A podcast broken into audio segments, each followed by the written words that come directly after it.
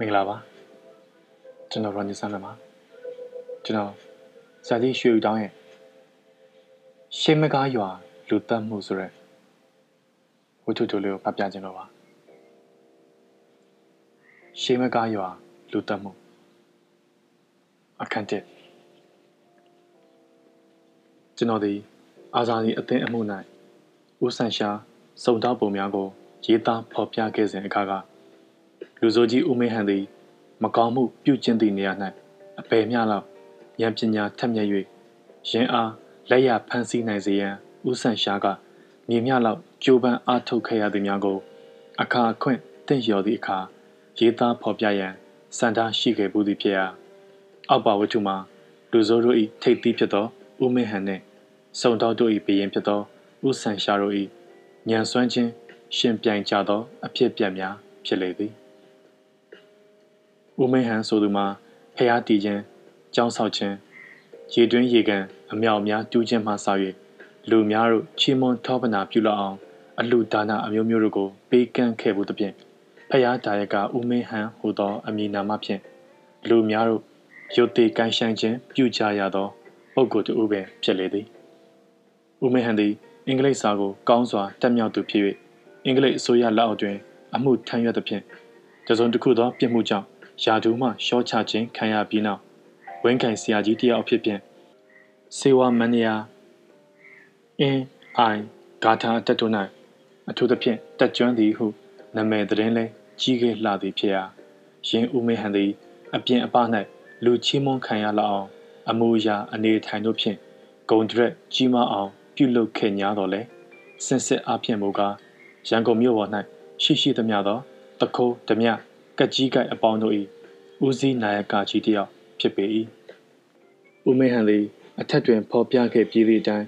အလှဒါနအမျိုးမျိုးတို့ကိုပြုခဲ့သည့်ပြင်အစင်မပြတ်ဝတ်ဖြူစင်ကြယ်ကိုသာဝတ်ဆင်ခြင်းစိတ်ပရိကြီးတကုံးကိုလေပင်၌ဆွဲထားခြင်းဝါတွင်ဝါပါမရွေးရှစ်ရက်လာပြီလာကွယ်တို့၌ဥပုပ်တရင်စောက်တည်ခြင်းအစရှိသော အမှုတို့ကိုလူအများမြင်လောက်အောင်ပြုလုပ်သဖြင့်တိတ်ခါတမာတိနှင့်ပြည့်စုံသောပုဂ္ဂိုလ်ကြီးတူဖြစ်သည်ဟု အိမ်နီးပါချင်းတို့ကမှတ်ထင်ကြရသည်မှန်တော်လေဆင်ဆဲနိုင်မူကားအကြီးအကျယ်တခိုးခိုးခြင်းဓမြတိုက်ခြင်းလူရက်ခြင်းအစရှိသော အမှုမျိုးဖြစ်ပေါ်သည့်အခါတိုင်းဦးမင်းဟန်အကြံပေးညံပေးအဖြစ်ဖြင့်ဝေစုအကြီးစားယူလေးရှိသော လူကြီးတစ်ယောက်ဖြစ်ပေ၏တို့ရတွင်ဦးမင်းဟန်သည်ရင်းအမှုမျိုးကို ကိုယ်တိုင်ပြုလုပ်မိဝေးစွာလူစိုးတခိုးတို့သူ၏အိမ်သို့ဝင်ထွက်ကြသည်ကိုပင်မြည်သူတဦးတယောက်မျှ မြင်ဘူးသည်မရှိသည့်ပြင်ညစင်မပြတ်ကြေးစီတဝေဝေဖြင့်အာယုံတက်သည့်တိုင်အောင်အမျှပေးဝေခြင်းမေတ္တာပို့ခြင်းအဆရှိသည်တို့ကိုသာလျှင်အတန်ကျေစွာဖြင့်ရွတ်ဖတ်တရေစေလျက်ရှိပေ၏တို့ရတွင်ခက်ခဲနှံ့နေသောတိုက်ခိုက်မှုခိုးဝှက်မှုလူရက်မှုတို့၌မူကားဦးမဲဟန်သည်မိမိ၏အကြမ်းအမြင်ဘ ഹു တုတနှင့်ထိုးတွင်းညံကိုအသုံးပြုလျက်အကြံပေးညံပေးပြည်ုံမျှနှင့်ကိစ္စပြီးစီလျက် အတွက်ချငွေတို့ကိုသာလျှင်ဝေစုအဖြစ်ဖြင့်တောင်းယူလေရှိလေသည်လူစိုးတို့အနေနဲ့လည်းမိမိတို့ရရှိကြသောငွေကြေးများကိုလျှို့ဝှက်ယူလဲမပြောဝင်ပုံရှောင်လဲမနေဝန်းကြချေအကြောင်းကိုဆိုသောထိုကဲ့သို့မိမိအားတစ္ဆာဖောက်သူတို့အပေါ်၌ဦးမေဟန်သည်အခြားသောလူစိုးတို့၏အကူအညီဖြင့်အသက်ဆုံးရှုံးအောင်စီရင်တတ်သောကြောင့်ဖြစ်ပေသည်အများသောလူတို့နှင့်တကွအစိုးရပလက်အရာရှိတို့သည်ယင်းဦးမဲဟန်အား ဂုံတရရှိ လူကြီးလူကောင်းတယောက်ဖြစ်သည်ဟု၍မှတ်ထင်ကြတော်လဲဦးဆန်ရှားမှာထိုသူ၏အကြောင်းကိုရိပ်မိသိရှိပြီးဖြစ်သောကြောင့်တခုသောကြောင့်၌ပိတ်မိစေရန်သာလျင်ချောင်းမြောင်းလျက်ရှိခဲ့လေသည်ရန်ဖန်ရခါခိုးဝဲမှုတစ်ခုကို၎င်းတိုက်ခိုက်မှုတစ်ခုကို၎င်းလက်သည်များကိုဖမ်းမိသည့်အခါဤညံသည်ဦးမင်းဟန်၏ညံဖြစ်ကြောင်းကိုဦးဆန်ရှာအသက်သိခဲ့သည်မှန်တော်လေလူစိုးတို့သည် သူ၏အမည်ကိုထုတ်ဖော်ပြောကြားခြင်းမရှိသဖြင့်ဦးဆန်ရှာမှတိလျက်နှင့်ပင်ထင်ရှားအောင်မပြနိုင်သဖြင့်ချက်ကောင်းကိုသာစောင့်ဆိုင်လျက်ရှိနေခဲ့ရလေ၏ရင်းကဲ့သို့မိမိအားဦးဆန်ရှားကရေးမိသည့်အကြောင်းကိုဦးမင်းဟန်သည်ဉာဏ်ပညာထက်မြက်သူတစ်ယောက်ဖြစ်သည့်အတိုင်းသိရှိလေရကားဦးဆန်ရှားနှင့်ရန်ဖန်ရန်ခါတွေ့ကြုံမိသည့်အခါတိုင်းဦးမင်းဟန်ကပြုံးရည်လျက်တက်နိုင်ကင်ကြတာပေါ့ကိုဆန်ရှားရဲ့ခမည်းကလည်းစုံတော့ပြီရဲ့ ကျုပ်ကလည်းတခိုးဘရင်ပဘရင်အပေါ်မှာဘယင်စင့်ရမှ အခွင့်လှကြမှာကိုကိုဆန်ရှားရဲ့စသဖြင့်လောင်ပြောင်ကပြောဆိုခဲ့ဘူးလေ၏ဦးဆန်ရှားသည် အမှုခင်းပေါ်ပေါက်သည့်အခါတို့၌မိမိနှင့်တိုက်ဆိုင်သမျှတို့ကိုလိုက်လံစုံထောက်သည့်အခါတလုံးသောမျက်စိဖြင့်သာလျှင်လိုက်လံစုံထောက်ခဲ့၍တလုံးသောမျက်စိသည်ဦးမင်းဟန်အားအစင်မပြတ်စောင့်ကြက်ကြည့်ရှုလျက်ရှိသည်ဟုဆိုထိုက်ပေသည်ဖြစ်ရာဦးမင်းဟန်သည် နှစ်လကျော်သုံးလခန့်မြရန်ကုန်မြို့ပေါ်တွင်ပျောက်ကွယ်၍သွားသည်ဖြစ်သောကြောင့်ဦးဆန်ရှားသည်ထိုသူ၏အကြောင်းကို ထောက်လှမ်းစုံစမ်းလျက်ရှိနေခဲ့လေ၏တနေ့သော၌ဦးမင်းဟန်သည်ကဝက်ကင်းရွာနေဖျားဒါရကဥတုပ်ပေါ်ဆိုသူကိုတပ်ပြီးလျင်ဥတုပ်ပေါ်အယောင်ဆောင်လျက်ဥတုပ်ပေါ်၏အမွေအနှစ်များကိုစက္ကန့်သိမ့်ပိုက်လျက်ရှိကြောင်းနှင့်တရင်ရရှိလေ၏ယင်းဥတုပ်ပေါ်ဆိုသူသည် အထက်မြမပြည်အေယာဝတီမြစ်၏ လက်ရဘက်ကမ်း၌တည်ရှိသော ရှေးမကားရွာသားဇာတိဖြစ်ရာငယ်စဉ်အခါကအတော်တန်စိုးမိုက်ခဲ့သောလူတစ်ယောက်ဖြစ်၍ဥစ္စာဒနာပြည့်စုံသော အမိအဖတို့၏နေအိမ်မှထွက်ခွာခဲ့ပြီးလျှင်အောက်ပြည်အောက်ရွာသို့လာရောက်နေထိုင်ခဲ့သောသူတစ်ယောက်ဖြစ်ပေသည်ရင်းကဲ့သို့မိဘရက်ရွာမှတိန့်ရှောင်နေထိုင်ရခြင်းအကြောင်းမှာမိမိရက်ရွာတွင် ကာလာသာလူပြိုတယောက်အားရည်စားလူမှုနှင့်ပတ်သက်၍ဒေါသအလျောက်လက်ရောက်မှုကျူးလွန်မိသည်တွင် ထိုသူမှာတေမီမသိရှင်မီမသိခင် မော်တော်ပေါ်မှရက်ရွာမှ ထွက်ခွာ၍လာခဲ့ခြင်းဖြစ်လေသည်ရိုင်းနှက်ခြင်းခံရသောသူသည်ဒဏ်ရာပြောက်ကင်းသဖြင့်အသက်မဆုံးရှုံးသည့်အကြောင်းကိုတရင်ကြားသိရတော့လေမောင်တုပ်ပေါ်သည်မိမိအားမချစ်ကြိုက်သည့်မိမထံမျက်နှာမပြလိုသေးတဲ့ကြောင့်မိမိငကိုယ်သဘောမှလည်းမိမိချက်မြုပ်ရာဌာနဟူ၍ဆွဲလန်းခြင်းမရှိဘဲရောက်ရာရက်၌ပျော်ပိုက်တက်သည်လဲတကြောင်ကြောင့်အထက်ရက်ရွာသို့ ပြန်လည်သွားရောက်ခြင်းမရှိဘဲယင်းကဝက်ကင်းရွာ၌ပင်ဆက်လက်နေထိုင်ခဲ့လေ၏နောက်ဆုံး၌မောင်တုပ်ဘောသည်ကဝက်ကင်းရွာ၌ပင်အိမ်အောင်ကြလျက်စီးပွားဥစ္စာအတော်တန်ဖြစ်ထွန်း၍ဖယားဒါယကဥတုပ်ဘောဟူသော လူကြီးလူကောင်းတယောက်အဖြစ်သို့တိုင်ရောက်ခဲ့လေရာရှေးမကားရွာ၌ရှိသောဆွေမျိုးညာတိအမေဖတို့ထံသို့ရန်ဖန်ရန်ခါစာလောက်သာပေးပြီးလျင်လူကိုယ်တိုင်မူကားတခါတစ်ခေါက်မျှပင်တွားရောက်ဖူးသည်မရှိချေ တနေ့သော၌ဥတုပ်ပေါ်သည်ရှေးမကားရွာ၌အမေဖများတည်ဆုံသဖြင့်ကြံရှိရသော လေယာချောင်းမြေအမွေနှင့်ပစ္စည်းအရရက်တို့ကိုစက္ကန့်သိမ့်ပိုက်ရန်လာရောက်ပါမည်အကြောင်းနှင့်ဆွေမျိုးများထံမှစာရရှိသဖြင့်ဥတုပ်ပေါ်သည်နှစ်ပေါင်း20ကျော်30ခန့်များမတော်ရောက်ခဲ့ဘူးသောမိမိ၏ရက်ရွာသို့တွားရောက်ရန်ပြင်ဆင်လေ၏ထိုအခါရင်းเจ้าများကိုဦးမင်းဟန်သည်တစုံတစ်ခုသောနည်းဖြင့်သိရှိလေရကအလွန်တရာ ရဲဝံ့စွန့်စားသောအကြံတစ်ခုကို ပြုလေ၏ဦးမင်းဟန်သည်အထက်မြမပြည်သို့ဥတုပ်ပေါ်လိုက်သွားသောယထာသစင်းနှင့်စီးနှင်းလိုက်ပါလာခဲ့လေရာဤတွင်ဥတုပ်ပေါ်သည်မိမိရွာသို့မရောက်မီပျောက်ချင်းမလှပျောက်သွားခဲ့ပြီးမကြာမီဦးမင်းဟန်သည်ဥတုပ်ပေါ်ဖြစ်ဖြင့်အမွေနှစ်များကိုစက္ကန့်သိမ့်ပိုက်ခဲ့လေ၏ဥတုပ်ပေါ်မှာသူ့ရဲ့ရွာသို့ပြန်လဲသွားရောက်ခြင်းမရှိသည်မှာနှစ်ပေါင်းများစွာကြာရှိခဲ့ပြီဖြစ်၍ရင်းအား မြင်မှုတို့မှကြီးရင်သောအရွယ်တို့တိုင်ရောက်ပြီဖြစ်သည့်ပြင်ပလိယောဂါကလည်းအထူးသဖြင့်နှိပ်စက်သောကြေးရွာတစ်ခုဖြစ်လေရာကအနှဲငယ်မျှသာဆွေမျိုးညာတိတို့သာလျင်ကြံရှိခဲ့လေ၏ဦးမင်းဟန်သည်ရင်းကြောင်းများကိုတင်ကူးသိရှိပြီးဖြစ်သည့်ပြင်အရွယ်မှလည်းမတိမ်မရင်ပဲအလုံးအရက်အသားရည်မှလည်းများစွာမကွာခြားသည်ဖြစ်သောကြောင့်ဥတုပ်ပေါ်အဖြစ်ဖြင့်ဟန်ဆောင်ရန်ရဲဝံ့စွာကြံစီခဲ့ခြင်းဖြစ်လေသည် အလွန်တရာပါနှက်ဖြက်လက်သောသူတစ်ယောက်ဖြစ်သဖြင့်သူတစ်ပါးကတခွန်းဟလိုက်လျင်ပြောမြင့်စကားကိုစေကုံးမျှကြိုတင်သိမြင်နိုင်သောသူတစ်ယောက်ဖြစ်လျာကဦးမင်းဟန်သည်မိမိအားစစ်ဆေးမင်းမြန်းသူအပေါင်းတို့အားအရေးအကဲနှင့်စကားအသွားလာကိုကြည့်၍တွက်လက်စွာဖြေဆိုနိုင်သောကြောင့်လူအလုံးတို့ကမကြမီတွင်တွင်မိမိပေါ်၌တင်ကာမကင်းဖြစ်သောစိတ်အလင်းမဖြစ်ပေါ်စေဘဲကျေနပ်လောက်အောင်ဖြေဆိုနိုင်ခဲ့လေ၏ဦးမေဟန်သည် ဦးတုပ်ပေါ်အဖြစ်ဖြင့်လက်ခံရရှိသောအမွေနှစ်တို့အနက်ငွေသားတီးဟူသောပစ္စည်းအနှဲငယ်မျှသာလျင်ပါရှိ၍များစွာသောပစ္စည်းတို့မှာလေယာချောင်းမြေအိမ်ချေရာချေအစရှိသည့်စင်ကမပစ္စည်းများဖြစ်လျာဦးမိဟန်၏အကြံမှာရင်းပစ္စည်းများကိုထုခွဲရောင်းချပြီးလျင်ရှေးမကားရွာမှထွက်ခွာခဲ့ရန်ဖြစ်လေသည်တို့ရတွင်လေယာချောင်းမြေအစရှိသည့်ပစ္စည်းမျိုးတို့မှာအလျင်စလိုရောင်းလိုသည့်အခါ၌ ပေါက်ရပေါက်ကဲနှုံးဖြင့်ရောင်းချရန်ခဲရင်လှသည်ဖြစ်ရာအကယ်၍အစမတန်နေသောအဖိုးနှုံးဖြင့်ရောင်းချခဲ့ပါလျင်လေမိမိပေါ်၌တင်ကာမကင်းဖြစ်စေဖို့အကြောင်းကိုစိုးရိမ်ရသေးသည်ဖြစ်သောကြောင့်ဦးမင်းဟန်သည်နှစ်လကျော်သုံးလနီးပါးစောင့်ဆိုင်း၍ပစ္စည်းများကို ထုခွဲရောင်းချလျက်ရှိလေ၏ရင်းကဲ့သို့ရှိနေစဉ်ကဝတ်ကင်းရွာ၌ဥတုပ်ပေါ်နှင့်တိကျွမ်းခဲ့မှုသောဥတာရဲ့အမည်ရှိမိတ်ဆွေတယောက်သည်ရှေးမကားရွာသို့ ဥတုပ်ပေါ်ဆက်ရောက်သည်ဟုသတင်းကြားသဖြင့်ဥတုပ်ပေါ်နှင့်တွေ့ဆုံရန်နေအိမ်သို့လာရောက်လေပတ်လျာဥတာရဲ့သည်အိမ်တွင်းသို့ရောက်၍ဦးမင်းဟန်နှင့်မျက်နှာချင်းဆိုင်မိတဲ့နှင့်တပြိုင်နက်ဦးမင်းဟန်သည်မိမိ၏အလိမ်ပေါ်ချေပြီးတကားဟုသိရှိလျင်သိရှိခြင်းတသက်ပတ်လုံးမကောင်းသောနီးလန်း၌အတုံးချလာခဲ့သောမိမိ၏အလျင်အမြန်ထက်မြက်သည့်ဉာဏ်ဖြင့်ဆင်ခြင်လိုက်ရာငါ၏အသက်တော်၎င်းထိုသူ၏အသက်တော်၎င်း တယောက်ယောက်ဖြုတ်ရမည်ဖြစ်သောကိစ္စပေတည်းဟုသိရှိလေ၏ဤကဲ့သို့ကိစ္စမျိုးပေါ်ပေါက်သည့်အခါတို့၌ဦးမေဟန်သည်ဤကဲ့သို့ပြုလုပ်ရမည်ကိုဆုံးဖြတ်ရန်နှောင့်နှေးကြံ့ကြာခြင်းမရှိသောသူတစ်ယောက်ဖြစ်လျာဥဒရဲကိုမြင်မြင်မြင်ချင်းညာလှိုင်း၍ရမည်လူတစ်ယောက်မဟုတ်ကြောင်းကိုတိပြီးဖြစ်သည့်တိုင်မိမိကိုယ်ကိုဥတုပ်ပေါ်ဖြစ်သည်ဟု၍အလျင်းမပြောပဲမိမိမှာဥတုပ်ပေါ်၏မိတ်ဆွေဧည့်သည်များဖြစ်ကြောင်းဥတုပ်ပေါ်မှလည်း အပြင်သို့ထွက်သွားသဖြင့်မကြာမီပြန်လာမည်ဖြစ်ကြောင်းနှင့်ပြောဆို၍နေရာထိုင်ခင်းများပေးလေ၏ဥဒရဲသည်ဦးမင်းဟန်ကိုမြင်စားအခါ၌ထိတ်လန့်၍သွားတော်လဲဦးမင်းဟန်ကဧည့်သည်ဖြစ်သည့်အကြောင်းကိုပြောပြသောအခါအံ့ဩခြင်းပျောက်ကင်း၍တင်ဖြူပေါ်၌ထိုင်ကစောင့်ဆိုင်လျက်ရှိလေ၏ထိုအခါဦးမင်းဟန်သည်ဥပေတံမြဲနှင့်အခန်းတွင်းသို့ဝင်သွား၍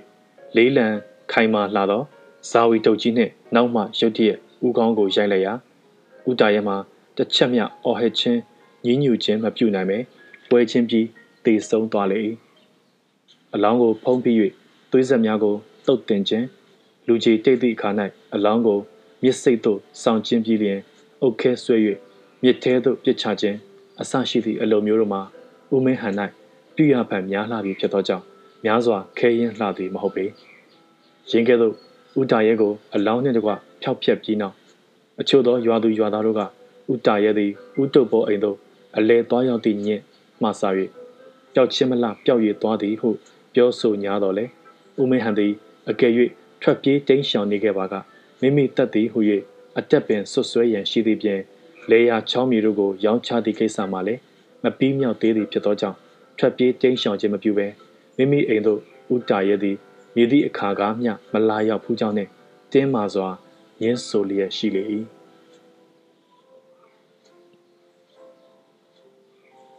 ကျွန်တော်သည်မိတ်ဆွေဦးဆန်ရှာနှင့်ရန်ကုန်မြို့၌အတူတကွနေထိုင်ခဲ့ကြရမှာအလုံးမှအားလက်ခွင့်ယူ၍ကျွန်တော်၏မိဘရက်ထံဖြစ်သောရွှေဘိုတောင်လက်မကြီးတုံရွာတွင်ခိတ္တနေထိုင်လျက်ရှိစဉ်ဦးဆန်ရှာသည်ကိစ္စတစ်ခုနှင့်မန္တလေးသို့ရောက်ခဲ့ရာတွင်ကျွန်တော်နေထိုင်ရာမကြီးတုံရွာသို့လည်းတညအိမ်မြလာရောက်လေပတ်ခဲ့လေ၏ ကျွန်တော်နေထိုင်လျက်ရှိသောအိမ်သည်ရွာ၏အပြင်၌တည်ရှိ၍ညချမ်းအခါ၌လှဲဖြင့်သွာလာသောခီးသည်တို့သည်အိမ်ရှိ၌ရှိသောတစ်ပင်ကြီးများအောက်၌လှဲစခန်းချပြီးလျင်တောသူတောင်သားတို့ပါဝမိမိတို့ရက်ရွာ၌ပြက်ပြက်သောတရင်အထူးဆန်းတို့ကိုတယောက်တစ်လက်မိဖို့အနေ၌ဝိုင်းဖွဲ့ကပြောဆိုလေရှိကြကုန်၏ထိုည၌ကျွန်တော်နှင့်ဥဆန်ရှာတို့သည်အိမ်မပြော်နိုင်ကြသည်ဖြစ်၍ဝမ်းပြင်သို့ထွက်လာကြပြီလင်မိဖို့၌ လူပိုင်းကိုမြင်သည်နှင့်ဥဆန်ရှာသည်မိမိမရောက်ဖူးသောအရက်၌ဘ ഹു တုတကိုရှာမီစုဆောင်ရန်ဝါဒနာရှိသည့်အတိုင်းလက်ဖက်ရည်ဝိုင်းသို့ဝင်ပြီးလျင်ခရီးသည်တို့ပြောစကားများကိုဝင်ရောက်နားထောင်ကြလေ၏ထိုခါ၌တယောက်သောခရီးသည်သည်ရှေးမကားရွာ၌ဥတုပ်ပေါ်ဆိုသူ၏အကြောင်းကိုပြောဆိုလျက်ရှိရာရင်းဥတုပ်ပေါ်သည်ငယ်စဉ်တောင်ကြီးကအောက်ပြည်အောက်ရွာသို့ထွက်ခွာသွားရောက်ကြောင်းနှစ်ပေါင်း30ခန့်တွင်တစ်ခါတစ်ခေါက်မျှလာရောက်ခြင်းမရှိပဲ အိုမဲမစွန်းသူမိဘများတည်ဆုံးသည့်အခါမှလာရောက်၍အမွေနှစ်များကိုစက်ခံသိမ့်ပိုက်ကြောင်းအထက်သားပင်ဖြစ်တော်လဲအောင်မြို့ကြီးရွာ၌ကြီးပြင်းခဲ့ရ၍အိမ်တောင်ကျခဲ့သည်ဖြစ်သောကြောင့်တာမယာထံပြန်ရန်အမွေနှစ်ရသည့်လယ်မြေတို့ကိုထုခွဲရောင်းချလျက်ရှိကြောင်းထို့ပြင်ထူးဆန်းသောအချင်းအရာတစ်ခုမှာဥတာရဲ့အမိရှိမိမိတို့ရွာသားတယောက်မှာဥတုပ်ပေါ်၏အိမ်သို့တညသောအခါ၌တွားရောက်လဲပတ်ရတွင်ပျောက်ချင်းမလှပျောက်ဆုံး၍တွားကြောင်းများဖြင့် ပြောဆိုလျက်ရှိလေ၏ဦးဆန်ရှာမှာပထမ၌ထိုသူပြောစကားများကိုအာယုံမဆိုင်တစ်ချက်စိုက်တစ်ချက်နှင့်ခရီးသည်အသီးသီးတို့၏ရုပ်လက္ခဏာများကိုတယောက်စီအကဲခတ်လျက်ရှိရာလူတယောက်ပျောက်ဆုံးသည်ဟုရှားလိုက်ရသည်၌မူအမဲလိုက်ခွေးသည်ယုံအနှံ့ရသောအခါ၌ရှေ့သို့တိုးကနောက်ဆုတ်ခါဖြင့်လူလာခက်လျက်ရှိနေပြီးတကယ်သို့၎င်းဒုံမြင့်သည်တာပတ်ကွင်းကိုမြင်သောအခါ၌နေရွက်ဆွင့်က လဲထောင်ကဖြင့်ကနာမငိမ်ရှိနေပြီးတကယ်သို့၎င်းဥဆန်ရှာမှလည်းထိုင်မှန်ပြင်းရှိသောအမူအရာတို့သည်တခဏချင်းတွင်ပျောက်ကင်းသွား၍ရင်းဤထက်မြက်ဆူးရှာသောမျက်လုံးတို့သည်အာယုံစူးစိုက်သည့်အခါ၌ဖြစ်ပေါ်မြဲတိုင်မိဖို့ဤအလင်း၌အယောင်တစ်ပြက်ပြက်ထွက်လာခဲ့လေ၏ထိုအခါဥဆန်ရှာသည်စေးအိတ်မှစေးအနှဲငယ်ကိုယူ၍စေးရန်၌ထည့်ရင်းနေပါအောင်ဗျ ဥတုတ်ဘောဆိုတဲ့လူကြီးရောက်လာတာဘလောက်ကြာပြီလဲ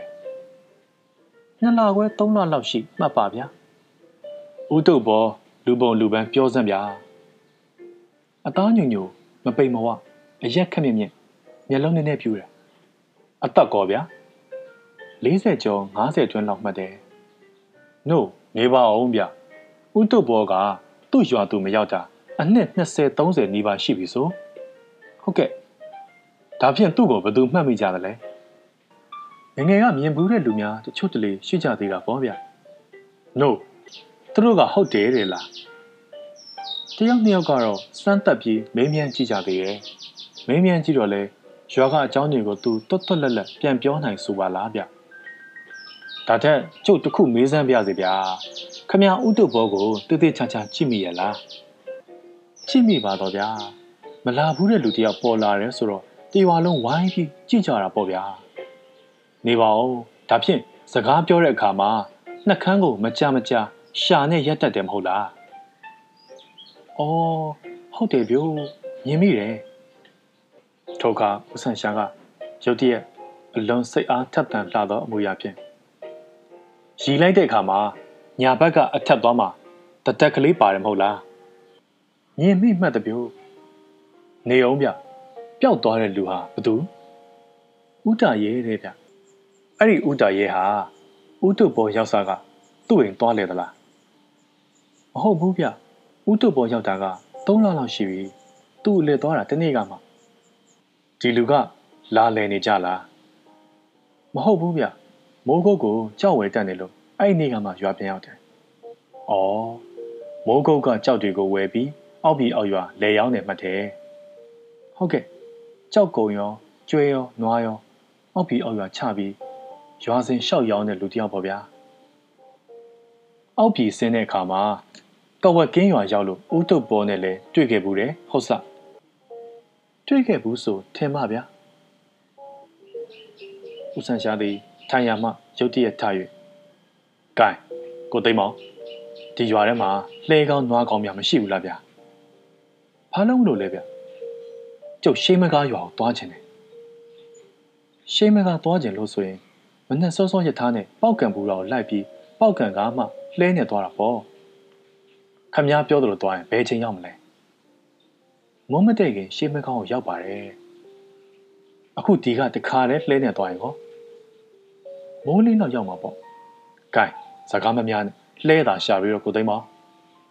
။ထိုအခါကျွန်တော်ဒီဥဆန်ရှာ၏သဘောကိုသိသိဖြစ်၍ ညာရင်းချင်းလှဲရှာ၍ငှားပြီးလျင်ရှေးမကားရွာသို့ထွက်လာခဲ့ကြရာရခင်ကခရီးသည်လဲကျွန်တော်တို့နှင့်အတူလိုက်ပါလာခဲ့လေ၏။အာယုန်တက်အချိန်ခန့်၌ကျွန်တော်တို့သည် ရှေးမကားရွာနှင့်အတော်အတန်နီးကပ်၍လာခဲ့ရာအာယုန်တက်ခါနီးပေါက်လာတတ်သောလေကလေးသည်တဖြူးဖြူးတက်ခတ်လျက်ရှိရာတဖြည်းဖြည်းပြင်း၍ပြင်း၍လာခဲ့ရာမိုးလင်းသဖြင့်ရွာသို့ချင်းကပ်မိသည့်အခါမိုးတိမ်တို့သည် အထက်ကောင်းကင်၌စနေတောင်အရက်မှ အင်္ဂါတောင်အရက်သို့လျင်မြန်စွာဖြတ်တန်းပြေးလွှားလျက်လေညင်းကလေးသည်လည်းမုန်တိုင်းအဖြစ်သို့တိုင်ရောက်ခဲ့လေ၏ရွာတွင်သို့ဆိုက်ရောက်ကြသောအခါရွာသူရွာသားတို့သည်နက်နက်စောစောအချိန်၌လေမုန်တိုင်းဆင်လျက်ရှိနေသဖြင့်အိယာမှမထကြသေးပဲရှိနေကြသဖြင့်အိမ်တို့မှာတကားပိတ်လျက်လမ်းများပေါ်၌လည်းလျင်မြန်စွာရွေလျှောလှုပ်ရှားလျက်ရှိသောမြူဖုန်ကလေးများမှတပါအခြားလူသွားလူလာတို့ မရှိခဲ့ကြ။ရွာတွင်းသို့ရောက်လျင်ကျွန်တော်တို့သည်ဥတုဘောဤအိမ်သို့လဲကိုမောင်းစေရာ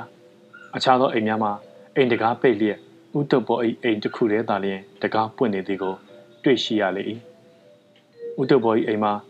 မျက်စိနှင့်များစွာမဝေးကွာသည်ဖြစ်၍ကျွန်တော်တို့နှင့်အတူပါလာသောခီးသည်သည်အိမ်တွင်းသို့ဝင်၍ဥတုပ်ပေါ်ရှိပါသလားဟုမေးမြန်းလျက်ကျွန်တော်နှင့်ဥဆန်ရှာတို့သည်မူအိမ်ရှိမှရက်လျက်ရှိစဉ်ဥဆန်ရှာသည် မျက်စိတ်ဘက်သို့မျှော်ကြည့်နေရမှရုတ်တရက်ကျွန်တော်၏လက်ကိုကင်ဆွဲခေါ်ငင်လျက်ကန်းနာဘက်သို့လျင်မြန်စွာရှောက်သွားလေ၏လေစိမ့်နှင့်မူကားလူတစ်ယောက်သည်ပြာကြီးပြာရာရှိသောအမူအရာနှင့်တမန်တစင်းကိုရွက်တိုင်ထူလျက်ရှိရာကျွန်တော်တို့လာသည်ကိုမြင်သောအခါရှေးကထပ်ပင်တိုး၍အလျင်လိုသောအမူအရာနှင့်ရွက်ထူလျက်ရှိလေ၏လေသည်အဟုန်ပြင်းစွာတိုက်ခတ်လျက်ရှိသည်ဖြစ်သောကြောင့်မြစ်တစ်ပြင်လုံးလှိုင်းလုံးကြီးများသည်ဖွေးဖွေးဖြူလျက် ကမ်းပါဆက်သို့လည်း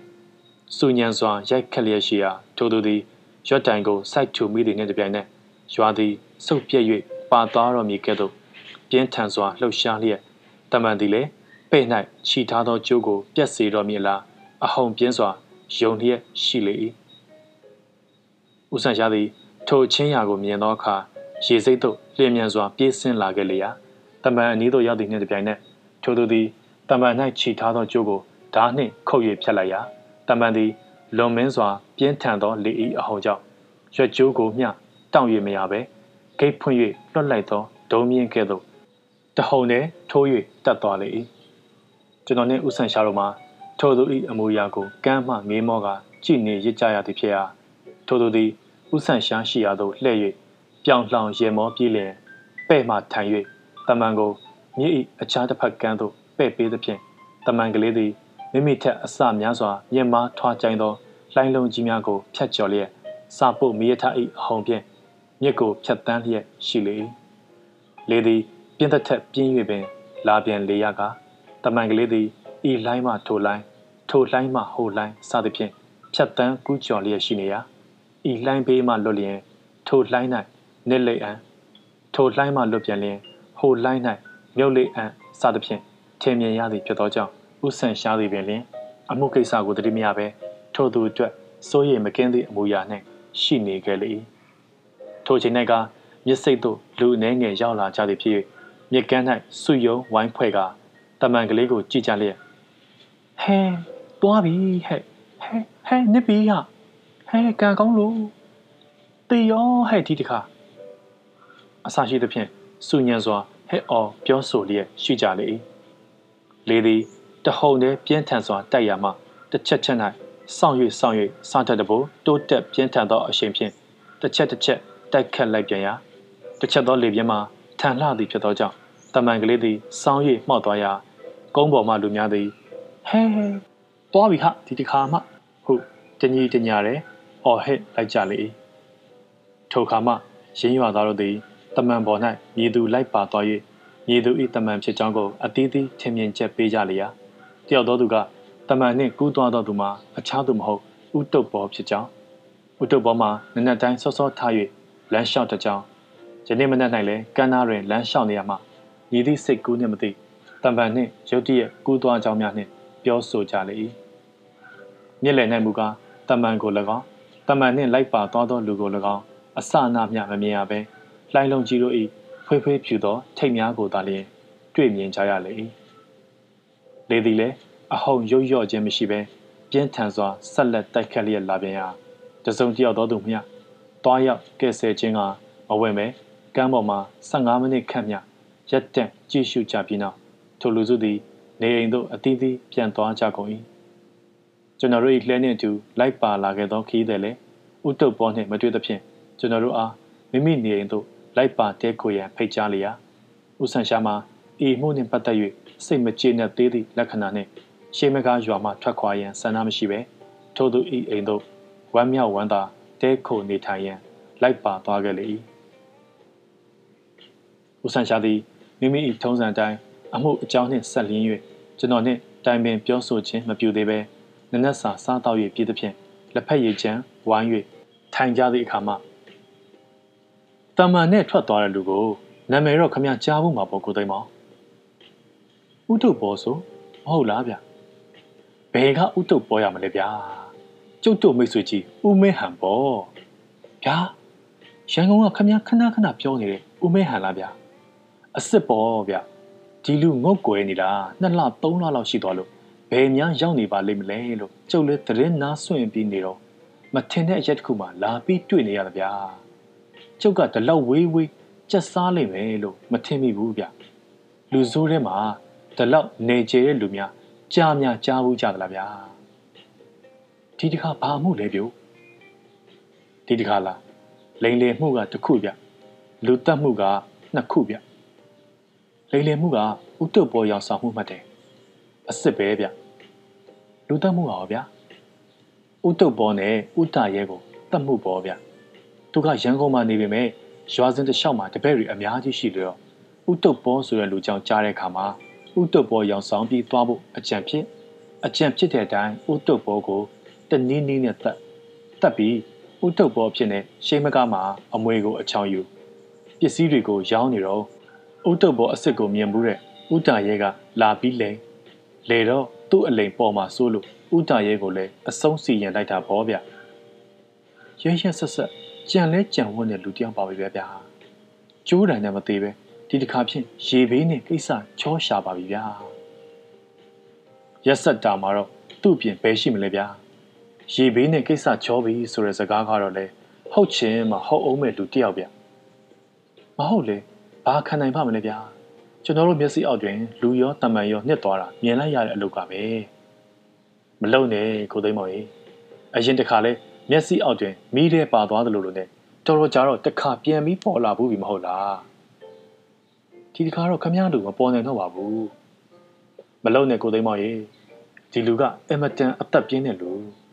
ကျုပ်ဖြင့်သူ့လောင်းကိုမျက်စိနဲ့မြင်ရမှသိပြီလို့စိတ်ချရတော့မှာပဲပြောဒါဖြင့်ခမရဒီကနေ့မပြန်သေးဘူးပေါ့လေတရက်လောက်တော့တိခံမအောင်ကိုသိမ်းမအောင်ထိုနေ့နဲ့ကျွန်တော်တို့ဒီရှေးမကားရွာ၌ဥဆန်ရှာ၏သဘောအလျောက်တရက်မြဆောင်ဆိုင်ပြီးရွာ၏အခြေအနေကိုလှည့်လည်ကြည့်ရှုကြရာ ရှေးမကားရွာမှာလွန်ခဲ့သည့်10နှစ်ကျော်ခန့်လောက်ကမြို့အုပ်ယုံဆိုင်ခဲ့သဖြင့်ရှေးမကားမြို့ဟူ၍အမည်တွင်လျက်အတော်တန်စီကားခဲ့တော်လဲယခုခါ၌မူမြို့အုပ်ယုံသည်ဝက်လက်မြို့သို့ရွှေ့ပြောင်းခဲ့ပြီဖြစ်သောကြောင့်များစွာစီကားခြင်းမရှိဘဲရေအိုးစင်အိုးများလောက်ကင်သည့်လုပ်ငန်းမှတပါအခြားကြီးကျယ်သည့်လုပ်ငန်းဟု၍ပြောပလောက်အောင်မရှိတော့ချေရှေးခါကစီကားခဲ့ဘူးသောဈေးများသည်လည်းကြီးနှင့်ဖုတ်ဖုတ်ရှိနေလျက်ကက်ယောဂါသည်လည်းမကြာခဏ ဖိစီးနှိပ်စက်ခြင်းကြောင့်အယောင်းဝယ်ရုပ်ရော့ခြင်းရွှေ့ပြောင်းထွက်ခွာသွားကြသောရွာသားတို့မှလည်းအတော်ပင်များပြားသည့်ဖြစ်ခြင်းတို့ကြောင့်၆တွေ့ပြင်းကြီးပွဲကောင်းသောရွာတရွာဖြစ်၍နေလေ၏ညနေခင်းအချိန်၌ကျွန်တော်နှင့်ဥဆန်ရှာတို့သည်အရေးရှိကအကူအညီရစေခြင်းကရွာသူကြီးအိမ်သို့တွားရောက်၍တကြီးနှင့်တွေ့ဆုံစကားပြောဆိုကြရာထို့သူမှာတောရွာတကြီးပင်ဖြစ်တော်လဲသတင်းစာမဂ္ဂဇင်းဖတ်ရှုခြင်း၌ အလေးဝါဒနာပါခဲ့သည်ဖြစ်၍ဥဆန်ရှာအမည်ကိုကြားဘူးသည်နှင့်ဝမ်းမြောက်ဝမ်းသာခရီးဥကြိုပြုပြီးအမှုနှင့်ပတ်သက်၍ဖြစ်စေမည်သည့်ကိစ္စနှင့်ဖြစ်စေအကူအညီအလိုရှိပါကဝမ်းမြောက်စွာကူညီပါမည်အကြောင်းနှင့်ပြောဆိုလေ၏ရင်းကဲ့သို့စကားပြောဆိုလျက်ရှိကြစဉ်ရွာသားတယောက်သည်အိမ်ပေါ်သို့တက်လာ၍မျက်စိ၌အလောင်းတစ်လောင်းကိုတွေ့ရှိကြောင်းနှင့်တကြီးအားလာရောက်တိုင်တန်းလေ၏ထိုအခါတကြီးနှင့်တကွကျွန်တော်တို့အားလုံးသည် ဥထုပ်ပေါ်ဆိုသူ၏အလောင်းပေလောဟုထိုသူနှင့်လိုက်ပါသွားကြလေ၏ရှေးမကရွာအောက်တမိုင်ခန့်လောက်တွင် လူတစုတို့သည်တစုံတစ်ခုသောအရာဝတ္ထုကိုဝိုင်းရန်ကြည့်ရှုနေကြရာရွာသူကြီးနှင့်ကျွန်တော်တို့တွားရောက်ကြသောအခါလူစုသည်ရွှေ့ပေးကြလေ၏ကျွန်တော်တို့သည်ထိုလူများဖယ်ရှားသဖြင့်ထိုအရာဝတ္ထုကိုအနည်းသို့ချင်းကပ်ကြည့်ရှုကြရာအလောင်းတစ်လောင်းသည်တဲတောင်ပေါ်၌ပက်လက်လန်လျက်မျက်နှာ၌မူကားငါးများကတ်ဟဲ့၍ထားသဖြင့် မမှတ်မိနိုင်လောက်အောင်ရှိနေကြရာအဝယ်စားတို့မှလည်းအစိတ်စိတ်အမောင်မောင်ဖြစ်လျက်အယောင်အသွေးမထင်ရှားပဲရှိနေလေ၏ဦးကောင်းမှလည်းသပင်ဖားရကြလျက်ရှိရာအချို့သောရွာသားတို့ကဥတုဘောဤသပင်မှလည်းဤမျှလောက်ပင်ရှိသည်ဟုပြောဆိုကြလေ၏ရွာသူကြီးလည်းအလောင်းကိုမြည်သည့်နီးနှင့်တွေ့ရှိသည်နည်းဟုမေးမြန်းသဖြင့်တန်ဃာသည်တယောက်ကမိမိပိုက်နှင့်ညှိ၍ပါလာကြောင်းပြောလျက်ရှိစဉ်ဥဆန်ရှာသည်အလောင်းကိုတေချာစွာကြည့်ရှုနေရမှ အလောင်း၏နှက်ခမ်းကိုမ၍အထက်သွားကိုမြင်သည်နှင့်တပြိုင်နက်ယုံမားတန်တရားကင်းသည့်အမူအရာနှင့်ရှိလေ၏အကြောင်းမူကားဦးမင်းဟံမှာအထက်သွားတွင်တတက်တစ်ခုပါရှိ၍ဤအလောင်း၌ကရင်းတတက်ပါသည်ကိုမတွေ့မမြင်ရသောကြောင့်ဖြစ်လေသည်ထိုကြောင့်ကိုရွာတကြီးအားပြောပြပြီးနောက်ကျွန်တော်တို့သည်ရွာသို့ပြန်လာကြမည်ပြုရာတကြီးကကျွန်တော်တို့အားမိမိနှင့်အတူတကွပြန်ကြပါမည်အကြောင်းနှင့်ပြောဆို၍ကျွန်တော်တို့အား တခဏမျှစောင့်ဆိုင်ရန်တားပြီးလျင်အလောင်းကိုတုတ်တန်သို့စောင့်ကျင်းကြရန်ရွာသားများအား ထန်းစဉ်တစ်ခုကိုပြုလုပ်เสีย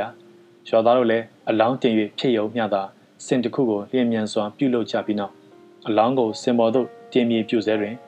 အလွန်တရာနှက်ချေလာသောအတန်ကြီးတစ်ခုသည်အသေးနှလုံးတုန်လှုပ်ဖွယ်ရှိလောက်အောင်ဟဟပပရုတ်တရက်ရီမောလိုက်သည်ကိုကြားကြရလေ၏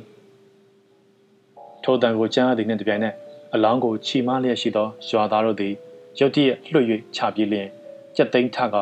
ခေါင်းကြီးကဖြင့်တယောက်မျက်နှာကိုတယောက်အံ့အားသင့်ကကြည့်ရှုလျက်ရှိကြလေ၏ထိုတန်ကြီးမှာအရှိအရက်မှ၎င်းအနောက်အရက်မှ၎င်းတောင်အရက်မှ၎င်းမြောက်အရက်မှ၎င်းအနည်းရှိကြောက်ဆောင်များမှ၎င်းညီသည့်အရက်မှလာသည်ကိုညီသူမျှတွေးတောခြင်းကမတက်နိုင်ပဲကြက်သိမ်းမှုင်းခြင်းထလျက်ရှိနေကြရာဥဆန်ရှာပင်လျင်နှက်ခမ်းကို ကိုက်လျက်ရှိလေ၏အော်ချင်းပြေပြောက်သူနှင့်တပြိုင်နက်ညီသည့်အရက်မှလာသောအတန်ဖြစ်သည်ကိုတယောက်တစ်မျိုးပြောဆိုကြပြီးနောက်ထပ်လောင်း၍ကြားရအောင်မည်လောဟုအတန်ကြာအောင်စောင့်ဆိုင်း၍နေကြပါတော့လေထပ်မှန်၍မကြားရသဖြင့်ကျွန်တော်တို့သည် ပြန်လာခဲ့ကြရလေလန်ခီ၌ထိုတန်သည်ငှက်တစ်မျိုး၏မြည်တမ်းဟူ၍၎င်းခွေးတစ်မျိုး၏ဥတန်ဟူ၍၎င်းအမျိုးမျိုးတွေးတောပြောဆိုကြလျာလူများစိတ်ချနှက်လောက်အောင် ရည်သူမျှတွေးတောနိုင်ခဲ့သည်မရှိပေရွာသားများသည်တုတ်တန်သို့တွားရောက်ကြသဖြင့်ကျွန်တော်တို့သည်တကြီးနှင့်အတူရင်းဤနေအိမ်သို့ပြန်လာကြ၍ညစာသမင်းကိုတကြီးအိမ်၌ပင်စားတောက်ကြလေ၏ထို့နောက်တကြီးသည်ရှေးမကားရွာ၌တဲခိုနေထိုင်ရန်တောင်းပန်၍ကျွန်တော်နှင့်အတူလိုက်ပါလာခဲ့သောရွာသားအိမ်ရှင်အားလည်းစေလွတ်အကြောင်းကြားပြီးလျင်ကျွန်တော်တို့သည်ထိုည၌တကြီးအိမ်၌ပင်တဲခိုနေထိုင်ခဲ့ရလေ၏ထိုညကကျွန်တော်တို့သည် လက်ဖက်ရည်ချမ်းများကိုတကရာပြီးတကရာတောက်ကြပြီးလျင်ကျေးရွာ၏အထုပ်ပတ်တီများကိုတကြီးကပြောဆို၍အမှုအမျိုးမျိုး၏အကြောင်းများကိုလည်းကျွန်တော်နှင့်ဦးဆန်ရှာတို့ကအပြင်းပြေစေရန်တလှည့်စီကြောချလျက်ရှိရာအတော်ပင်ညံ့ညက်ခဲ့လေ၏ရင်းတို့ရှိစဉ်ကျွန်တော်သည်ကျွန်တော်၏အနည်းသို့ရောက်လာသောကြောင်ကလေးကိုဖမ်းယူ၍ရင်ခွင်၌တင်ပြီးလျင်လေကုတ်ကိုတက်ရပေးရာကြောင်ကလေးသည်အိပ်ပျော်ပြီးတဲ့ကဲ့သို့မိန်လျက်ရှိလေ၏ နိုင်တဝက်ခန့်မြကျွန်တော်၏အပေါ်၌ရင်ဝတ်စွာနေပြီးမှကြောင်ကလေးသည်ရုတ်တရက်ထပြီးလျင်ကျမ်းမော်သို့ခုန်ဆင်း၍ခါးကိုကုံလျက်သွားကိုဖြဲကာတဖြည်းဖြည်းမြေလျက်တကိုယ်လုံးမှအမွှေးများထောင်ပြီးလျင်စိတ်ဆိုးသည့်အမူအရာမျိုးကိုပြလေ၏ကြောင်ကလေးသည်တကားပေါက်ရှိရာသို့လှည့်လျက်မျက်လုံးများကိုပေါက်၍ထွက်မတက်ပြူးပြီးလျင်တရှဲရှဲတဖြည်းဖြည်းမြေလျက်ရှိနေရာဦးဆန်ရှားကအိမ်ပြင်ကခွေးများလာသလားဗျ တကြီးကအိမ်နားကခွေးတွေတော့သူနဲ့အကုန်လုံးကစားဖက်ပဲတခြားကခွေးများလာလေရော့သလားဦးဆန်ရှားကနေစမ်းမအောင်ဗျာကြည့်ပါအောင်မယ်ဟုတ်ပြော၍ဦးဆန်ရှားသည် နေရာမှထပြေးလျင်တကားကိုဖွင့်၍အပြင်သို့ထွက်သွားလေ၏အပြင်သို့ရောက်သည့်နှင့်တပြိုင်နက်အိမ်တွင်၌ကြံနေရသောတကြီးနှင့်ကျွန်တော်သည်ခွေးတန်လည်းမဟုတ်ကြောင်တန်လည်းမဟုတ်ထူးဆန်းသောအတန်တစ်ခုကိုအိမ်ပြင်မှကြားရသဖြင့် ထိုင်ရာမှထကြပြေးလျင်အိမ်ရှိသို့လိုက်သွားကြလေ၏ထိုညသည်ကလာဆုပ်ဖြစ်သဖြင့်လာရောင်မရှိသည့်တမိုးလုံးလဲမဲနှက်သောမိုးတိမ်တို့ဖြင့်ဖုံးအုံလျက်ရှိလေရာကကျဲများ၏အယောင်ပင်ကင်းမဲ့လျက်ပိမ့်ပိတ်မဲမှောင်လျက်ရှိလေ၏ကျွန်တော်တို့သည်အပြင်သို့ရောက်ကြသောအခါကြောက်ဖွယ်ကောင်းသောဟိဟောက်တံများကိုသာလျှင်ကြားရ၍ဥဆန်ရှားအတန်ကိုတော်၎င်းဥဆန်ရှားကိုတော်၎င်းအခြားအရာဝတ္ထုကိုတော်၎င်း ကြားသိတွေ့မြင်ရခြင်းမရှိလျက်ကျွန်တော်သည်အိမ်တွင်း၌စပွဲပေါ်တွင်တင်ထားသောလက်နှိပ်တံမီးကိုတတိယ၍လျင်မြန်စွာစောင့်ကျင်းခဲ့ပြီးလျှင်အတန်ကြားရသောမီးနှင့်ထိုးကြည့်လိုက်လေ၏ထိုအခါဥဆန်ရှာမှမြေပေါ်၌ပက်လက်လန်လျက်သူ၏အပေါ်၌ကဝဝဝင်တကောင်သည်လေးဘက်ခွာ၍စီးပြင်းလျင်ဖွေးဖွေးဖြူသောသွားတို့ဖြင့်ဥဆန်ရှာ၏လေပင်ကိုကိုက်ဟပ်မိဆဲဆဲချိန်ရွယ်လျက်ရှိလေ၏ဥဆန်ရှာမှမူလက်ဝဲဘက်ဖြင့်မိမိလေမျိုးကိုကိုက်ဟပ်ရန် ချိန်ရွယ်နေသောဝဝဝင်၏ဥကောင်းကိုတွန်းဖယ်လျက်လက်ရလက်မှမူကပတ်ရှိရာသို့စမ်းတက်လျက်ရှိလေ၏ကျွန်တော်တို့သည်ဥဆန်ရှာ၏ဘေးရန်ရဲကိုမြင်သည်နှင့်တွေ့ရလက်နက်များကိုဆွဲကန်လျက်ထိုတော်ဝါကိုရိုက်နှက်မြည်ကြကြရာဥဆန်ရှာကဖဲကြဖဲကြအနာမကက်ကြနေဟုပြောသည်ဖြင့်ကျွန်တော်မှာဥဆန်ရှာ၏ခေါင်းရင်းမှရက်လျက်လက်နှိပ်တမီကိုဝဝင်၏မျက်လုံးသို့တဲ့တဲ့ထိုး၍ပေးသည်ဖြင့်ဝဝင်သည်ဥဆန်ရှာ၏လက်ပင်ကိုချိန်ရွယ်ရာ၌ ရောင်ရောင်မှမှရှိနေသည်တွင်ဥဆန်ရှာသည်ကပတ်၌ဆောင်းထားသော၆လုံးပြူတစ်နှက်ကိုစုပ်ကန်ပြီး၍ဝဝင်၏ဂရင်းသို့ထိုးထည့်ပြီးနောက်ခလုတ်ဖြုတ်လိုက်ရာဝဝင်သည်လေထဲသို့တစ်ချက်မြခုံ၍တက်ပြီးနောက်အသေးကောင်အဖြစ်နှင့်ကြလာခဲ့လေ၏အပြန်ဒုတိယပိုင်းလေးကိုဆက်လက်ပြီးတော့နားဆင်ပေးပါအောင်ဗျအားလုံးကျေးဇူးတင်ပါတယ်ကျေးဇူးတင်ပါတယ်မင်္ဂလာပါ ကျွန်တော်ရောနေစမ်းမယ်ပါကျွန်တော်ဇာတိရွှေတောင်းရဲ့ရှေးမကားရွာလူတက်မှုဆိုတဲ့ဝတ္ထုတိုလေးကိုဖတ်ပြနေတာဒီကနေ့အပိုင်းနှစ်ပါအခန်းနှစ်အောက်ပါအဖြစ်ပြများမှာဦးမင်းဟန်နဲ့ကျွန်တော်တွေ့ရပြီးနောက်သိရှိရသောအဖြစ်ပြများဖြစ်လေသည်ရှေးမကားရွာ၏အောက်တမိုင်ကျော်ခန့်ဝေးသောအရက်တွင်တောင်ပူစာငယ်တစ်ခုရှိလျာရင်းတောင်ကိုဖောက်ထွင်း၍ ကိုဤတပွဲပြုလုပ်ပြီးလျင်စင်ကျူတော်များတွတ်သွင်းကိုးကွယ်ခဲ့ဘူးလေသည်ထိုအချိန်ခါ၌မူကိုသည်အင်္ဂလိပ်များပြက်ပြိုလျက်စင်ကျူတော်တို့မှလည်းကျိုးပဲ့ပျက်စီးလျက်ရှိကြရာရွာသူရွာသားတို့အယောက်ပေါက်မရှိကြသည်ဖြစ်သောကြောင့်ရင်းကူမှာစင်နေကြားအောင်ဖြစ်၍နေခဲ့လေ၏ရင်းကူကြီးတွင်အမောင်ဆုံးသောတောင်းတစ်ခု၌လူတစ်ယောက်သည်ပလင်ပြက်တစ်ခုကိုမှီလျက်တယောက်တည်းငင်းညူနေသည်မှာ ငါကိုကကျိုးဘေးနဲ့သေခြင်းတဲ့ကောင်ထင်ပါရဲ့ရန်သူမျိုး၅ပါးနဲ့ကမိဘေးကလည်းလွတ်ခဲ့ပြီအခုတခါရေဘေးကလည်းလွတ်ခဲ့ပြန်ပြီမင်းပြစ်မင်းတန်နဲ့တေမဲ့အကောင်မို့လို့မိကလည်းကွင်းပြီရေကလည်းလက်မခံပဲနေခဲ့ထင်ပါရဲ့သို့တော့အခုဖြင့်ရေဘေးလည်းမကြောက်မင်းဘေးလည်းမကြောက်ထမင်းစားတဲ့ဘေးကအရေးအကြီးဆုံးဖြစ်နေပြီကောစသဖြင့်ငင်းညူလျက်ရှိနေသူမှာ ဦးမင်းဟန်ပင်ဖြစ်လေသည်ဦးမင်းဟန်သည်တံပန်နှင့်အတူတကွ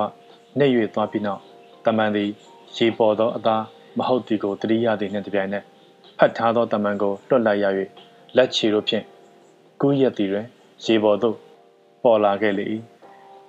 တေကံမြောက်တမပြောက်ဟူသောစကားပုံအရဦးမင်းဟန်သည်အမျိုးမျိုးသောဘေးအန္တရာယ်တို့မှလွတ်မြောက်ခဲ့ဘူးသူတယောက်ဖြစ်ခဲ့ရာရေပေါ်သို့ပေါ်လာသည်နှင့်တပြိုင်နက်တံပန်၌ ထည့်ထားသောအိုးတစ်လုံးသည်အနီးကပ်၍မျောလာသဖြင့်အိုးကိုဆယ်ယူ၍မှောက်ပြီးတွေ့၍နေလေ၏ထိုအခါလေပြင်း၏အဟုန်ကြောင့်လှိုင်းလုံးကြီးတို့သည်ညက်မောက်စွာထကြွလျက်ရှိလေရာဦးမေဟန်သည်မိမိအားကမ်းမှလူများမမြင်နိုင်စေရန်ဦးကောင်းကိုအိုးဖြင့်꿰၍ထားလေ၏ရင်းအိုးကိုတပန်းလှိုင်းလုံးကြီးတို့သည်꿰၍ထားပြန်သည်ဖြစ်သောကြောင့်ကမ်းမှရက်ခါကြည့်ရှုလျက်ရှိနေကြသောသူတို့သည်ဦးမေဟန်ကို၎င်းအိုးကို၎င်း မမြင်နိုင်ပဲရှိကြလေ၏ကမ်းမှစောင့်ဆိုင်၍ကြည်နေသောသူများထွက်သွားကြသည့်အခါမှဦးမေဟန်သည်ခြေဖြင့်တစ်ခါလက်ဖြင့်တစ်လှည့်ရက်၍ကမ်းဘတ်သို့ကူးလာခဲ့ရာမွန်တဲချိန်နီးကမှအောက်တမိုင်လောက်ရှိစိတ်ကမ်း၌တင်လေ၏ကမ်းသို့ရောက်လျင်တဲတောင်ပြမှာလေးဘက်လေးတန်ဆန့်ကအညောင်းညာဖြည့်ပြီးနောက်ပုံအောင်ရဲ့နေရာအရက်သို့ရှာဖွေရာမနီးမွေး၌ပင်ရခင်ကကူငယ်ကို တွေ့ရှိရလေ၏ ထိုအခါဦးမင်းဟန်သည်ညင့်သို့တိုင်အောင်ဤခု၌ပုံအောင်အန်းဟုအကြံဖြစ်၍မိမိ၏ဆွတ်ဆိုသောအဝတ်များကိုချွတ်ပြီးလျင်ရေများကိုညှစ်၍တွေ့ချောက်စေရန်လွှားထားလေ၏ထို့နောက်အုတ်ခဲတခဲကိုခေါင်းအောင်က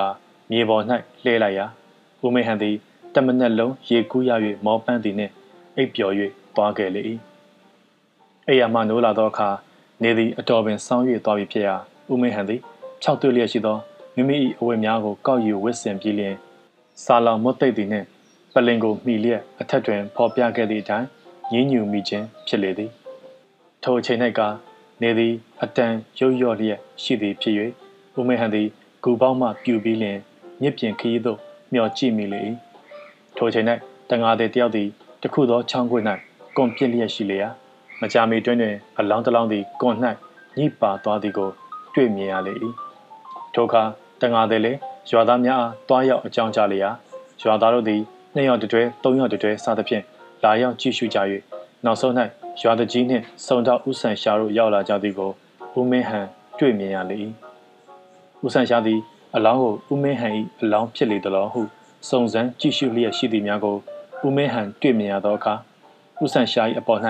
နှစ်ပေါင်းများစွာအခဲမချေပဲဖွဲ့စည်း၍ထားခဲ့သောရန်ညှိုးတို့သည်စတတ်တဘိုးတို့က ပွားများလာခဲ့ပြီးလျင်ဓမြောင်ကိုစွန့်လျက်မင်းနဲ့ငါတော့ကပရံပမောင်ဆန်ရှာရဲ့မင်းမသေးငါသေးငါမသေးရင်မင်းသေးဖို့ပါကွာစသဖြင့်အန်ချိတ်ခါကျင်းဝါမိလေ၏တကြီးနှင့်ရွာသားတို့သည်ထန်းစဉ်ပြုလုပ်ပြီးလျင်အလောင်းကိုထန်းစဉ်ပေါ်သို့တင်နေသည်များကိုဦးမင်းဟန်တွေ့မြင်ရသောအခါရွာသားတို့သည်ထိုအလောင်းကိုမိမိ၏အလောင်းထင်မှတ်လေသလားဟု တွေးတောမိသည်နှင့်တပြိုင်နက်ဦးမင်းဟန်သည် အလွန်တရာဥရား၍ရည်ကျင်သောစိတ်ဖြစ်ပေါ်ခဲ့လေ၏ရင်းတို့ဖြစ်ပေါ်ခဲ့လျင်ဦးမင်းဟန်သည်ဘေးအန္တရာယ်ကိုမထီမဲ့မြင်ပြု၍ပမာမခန့်သောသဘောရှိသည့်အလျောက်ရည်ကျင်သောစိတ်ကိုမချုပ်တီးနိုင်ပဲအတန်ကျဲလောင်စွာဟဟပပရီမောလိုက်လေ၏ဦးမင်းဟန်သည်ဂူဝါမှရက်၍ရည်ချင်းဖြစ်သောကြောင့်အတန်သည်လှိုင်တန်ပါပြီးလျင်ကြောက်မက်ဖွယ်ပဲ့တင်ထက်လျက်ရှိသည်ဖြစ်သောကြောင့်ရေစိမ့်၌ရှိသောသူတို့သည်မြည်သည့်အရက်မှလာသောအတန်ဖြစ်သည်ကို မခန့်မှန်းနိုင်အောင်ရှိခဲ့ကြလေ၏ထို့နောက်ရွာသားတို့သည်နောက်ထပ်၍အတန်ကြားရအောင်မည်လောဟုစောင့်ဆိုင်နားထောင်ကြတော့လေဦးမင်းဟန်သည်ထက်လောင်း၍အတန်မပေးဘဲရှိခဲ့ရာရွာသားတို့သည်အလောင်းကိုယူသွားကြသည့်အခါမှဂူတွင်းသို့ဝင်၍အကြံထုတ်ခဲ့ခြင်းဖြစ်လေ၏နေဝင်သည်နှင့်တပြိုင်နက်ဦးမင်းဟန်သည်ထိုင်ရာမှထ၍ကပတ်၌ရှိသောအိတ်တွင်းသို့တွတ်သွင်း၍ထားသောငွေဆက်ကူများကို ထုတ်နှုတ်ရေတွက်လျာရင်းတို့မှာ 100ရန်ချက်ရည်30နှင့်30ရန်ချက်ရည်100နီးပါးမျှရှိလေ၏ရင်းငွေဆက်ကူများစွာမှာဥတုံပေါ်၏လေယာချောင်းမြေများကိုရောင်းချ၍ရခဲ့သောငွေများဖြစ်လေသည်ဆက်ကူများကိုရေတွက်ပြီးနောက်ဒီထက်ဆယ်စားလောက်ရဖို့ဥစ္စာဒီငဆန်ရှာလာပြီးတော့ရှုပ်တယ်။ဂိုင်း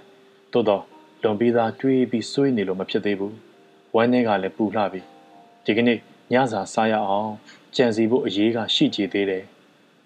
စသဖြင့်တယောက်တည်းပြောဆိုလျက်ညီတို့ပြုလို့ရမည်များကိုကြံစီတွေးတော၍နေလေ၏။ကောင်းစွာမှောင်မိုက်လက်သောဦးမင်းဟန်သည်ဂူတွင်းမှထွက်၍ရှေးမကားရွာသို့မသွားဘဲရင်းရွာ၏အနောက်ပောက်ကံပူရာအကြား၌ရှိသောရွာငယ်သို့ရှေးရှုထလာခဲ့လေ၏ရှေးမကားရွာသို့မဝင်မီခြင်းမှာထိုရွာ၌ဥဆန့်ရှာရှိသည်လည်းတကြောင်ရွာသူရွာသားတို့သည်မိမိအကြောင်းကိုသိရှိကြမည်ကိုစိုးရိမ်ရသည်လည်းတကြောင်ကြောင့် ရှေးမကားရွာသို့မဝင်မဲရွာနီးချုပ်ဆက်၌မိမိညာစာကိုငွေနှင့်ဝယ်ရေးဖြစ်စေ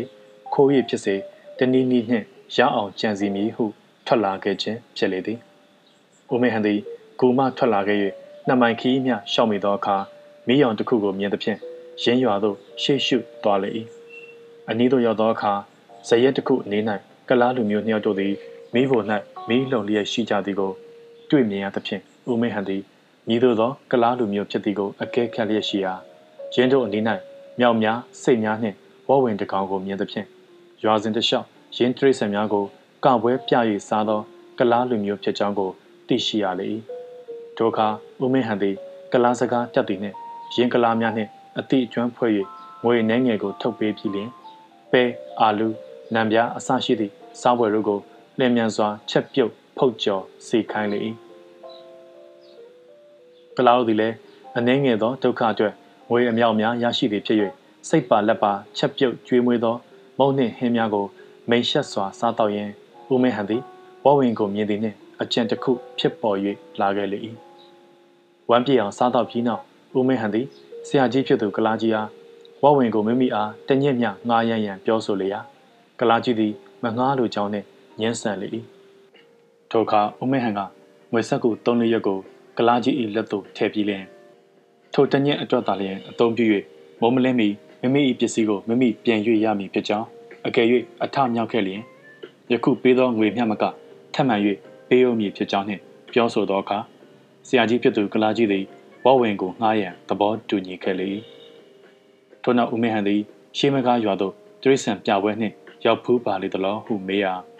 ကလာကြီးကရောက်ဖူးကြောင်းနှင့်ပြန်ပြော၍တကြီးအိမ်ကိုတိပါသလားဟု ထပ်လောင်းမေးမြန်းသောအခါ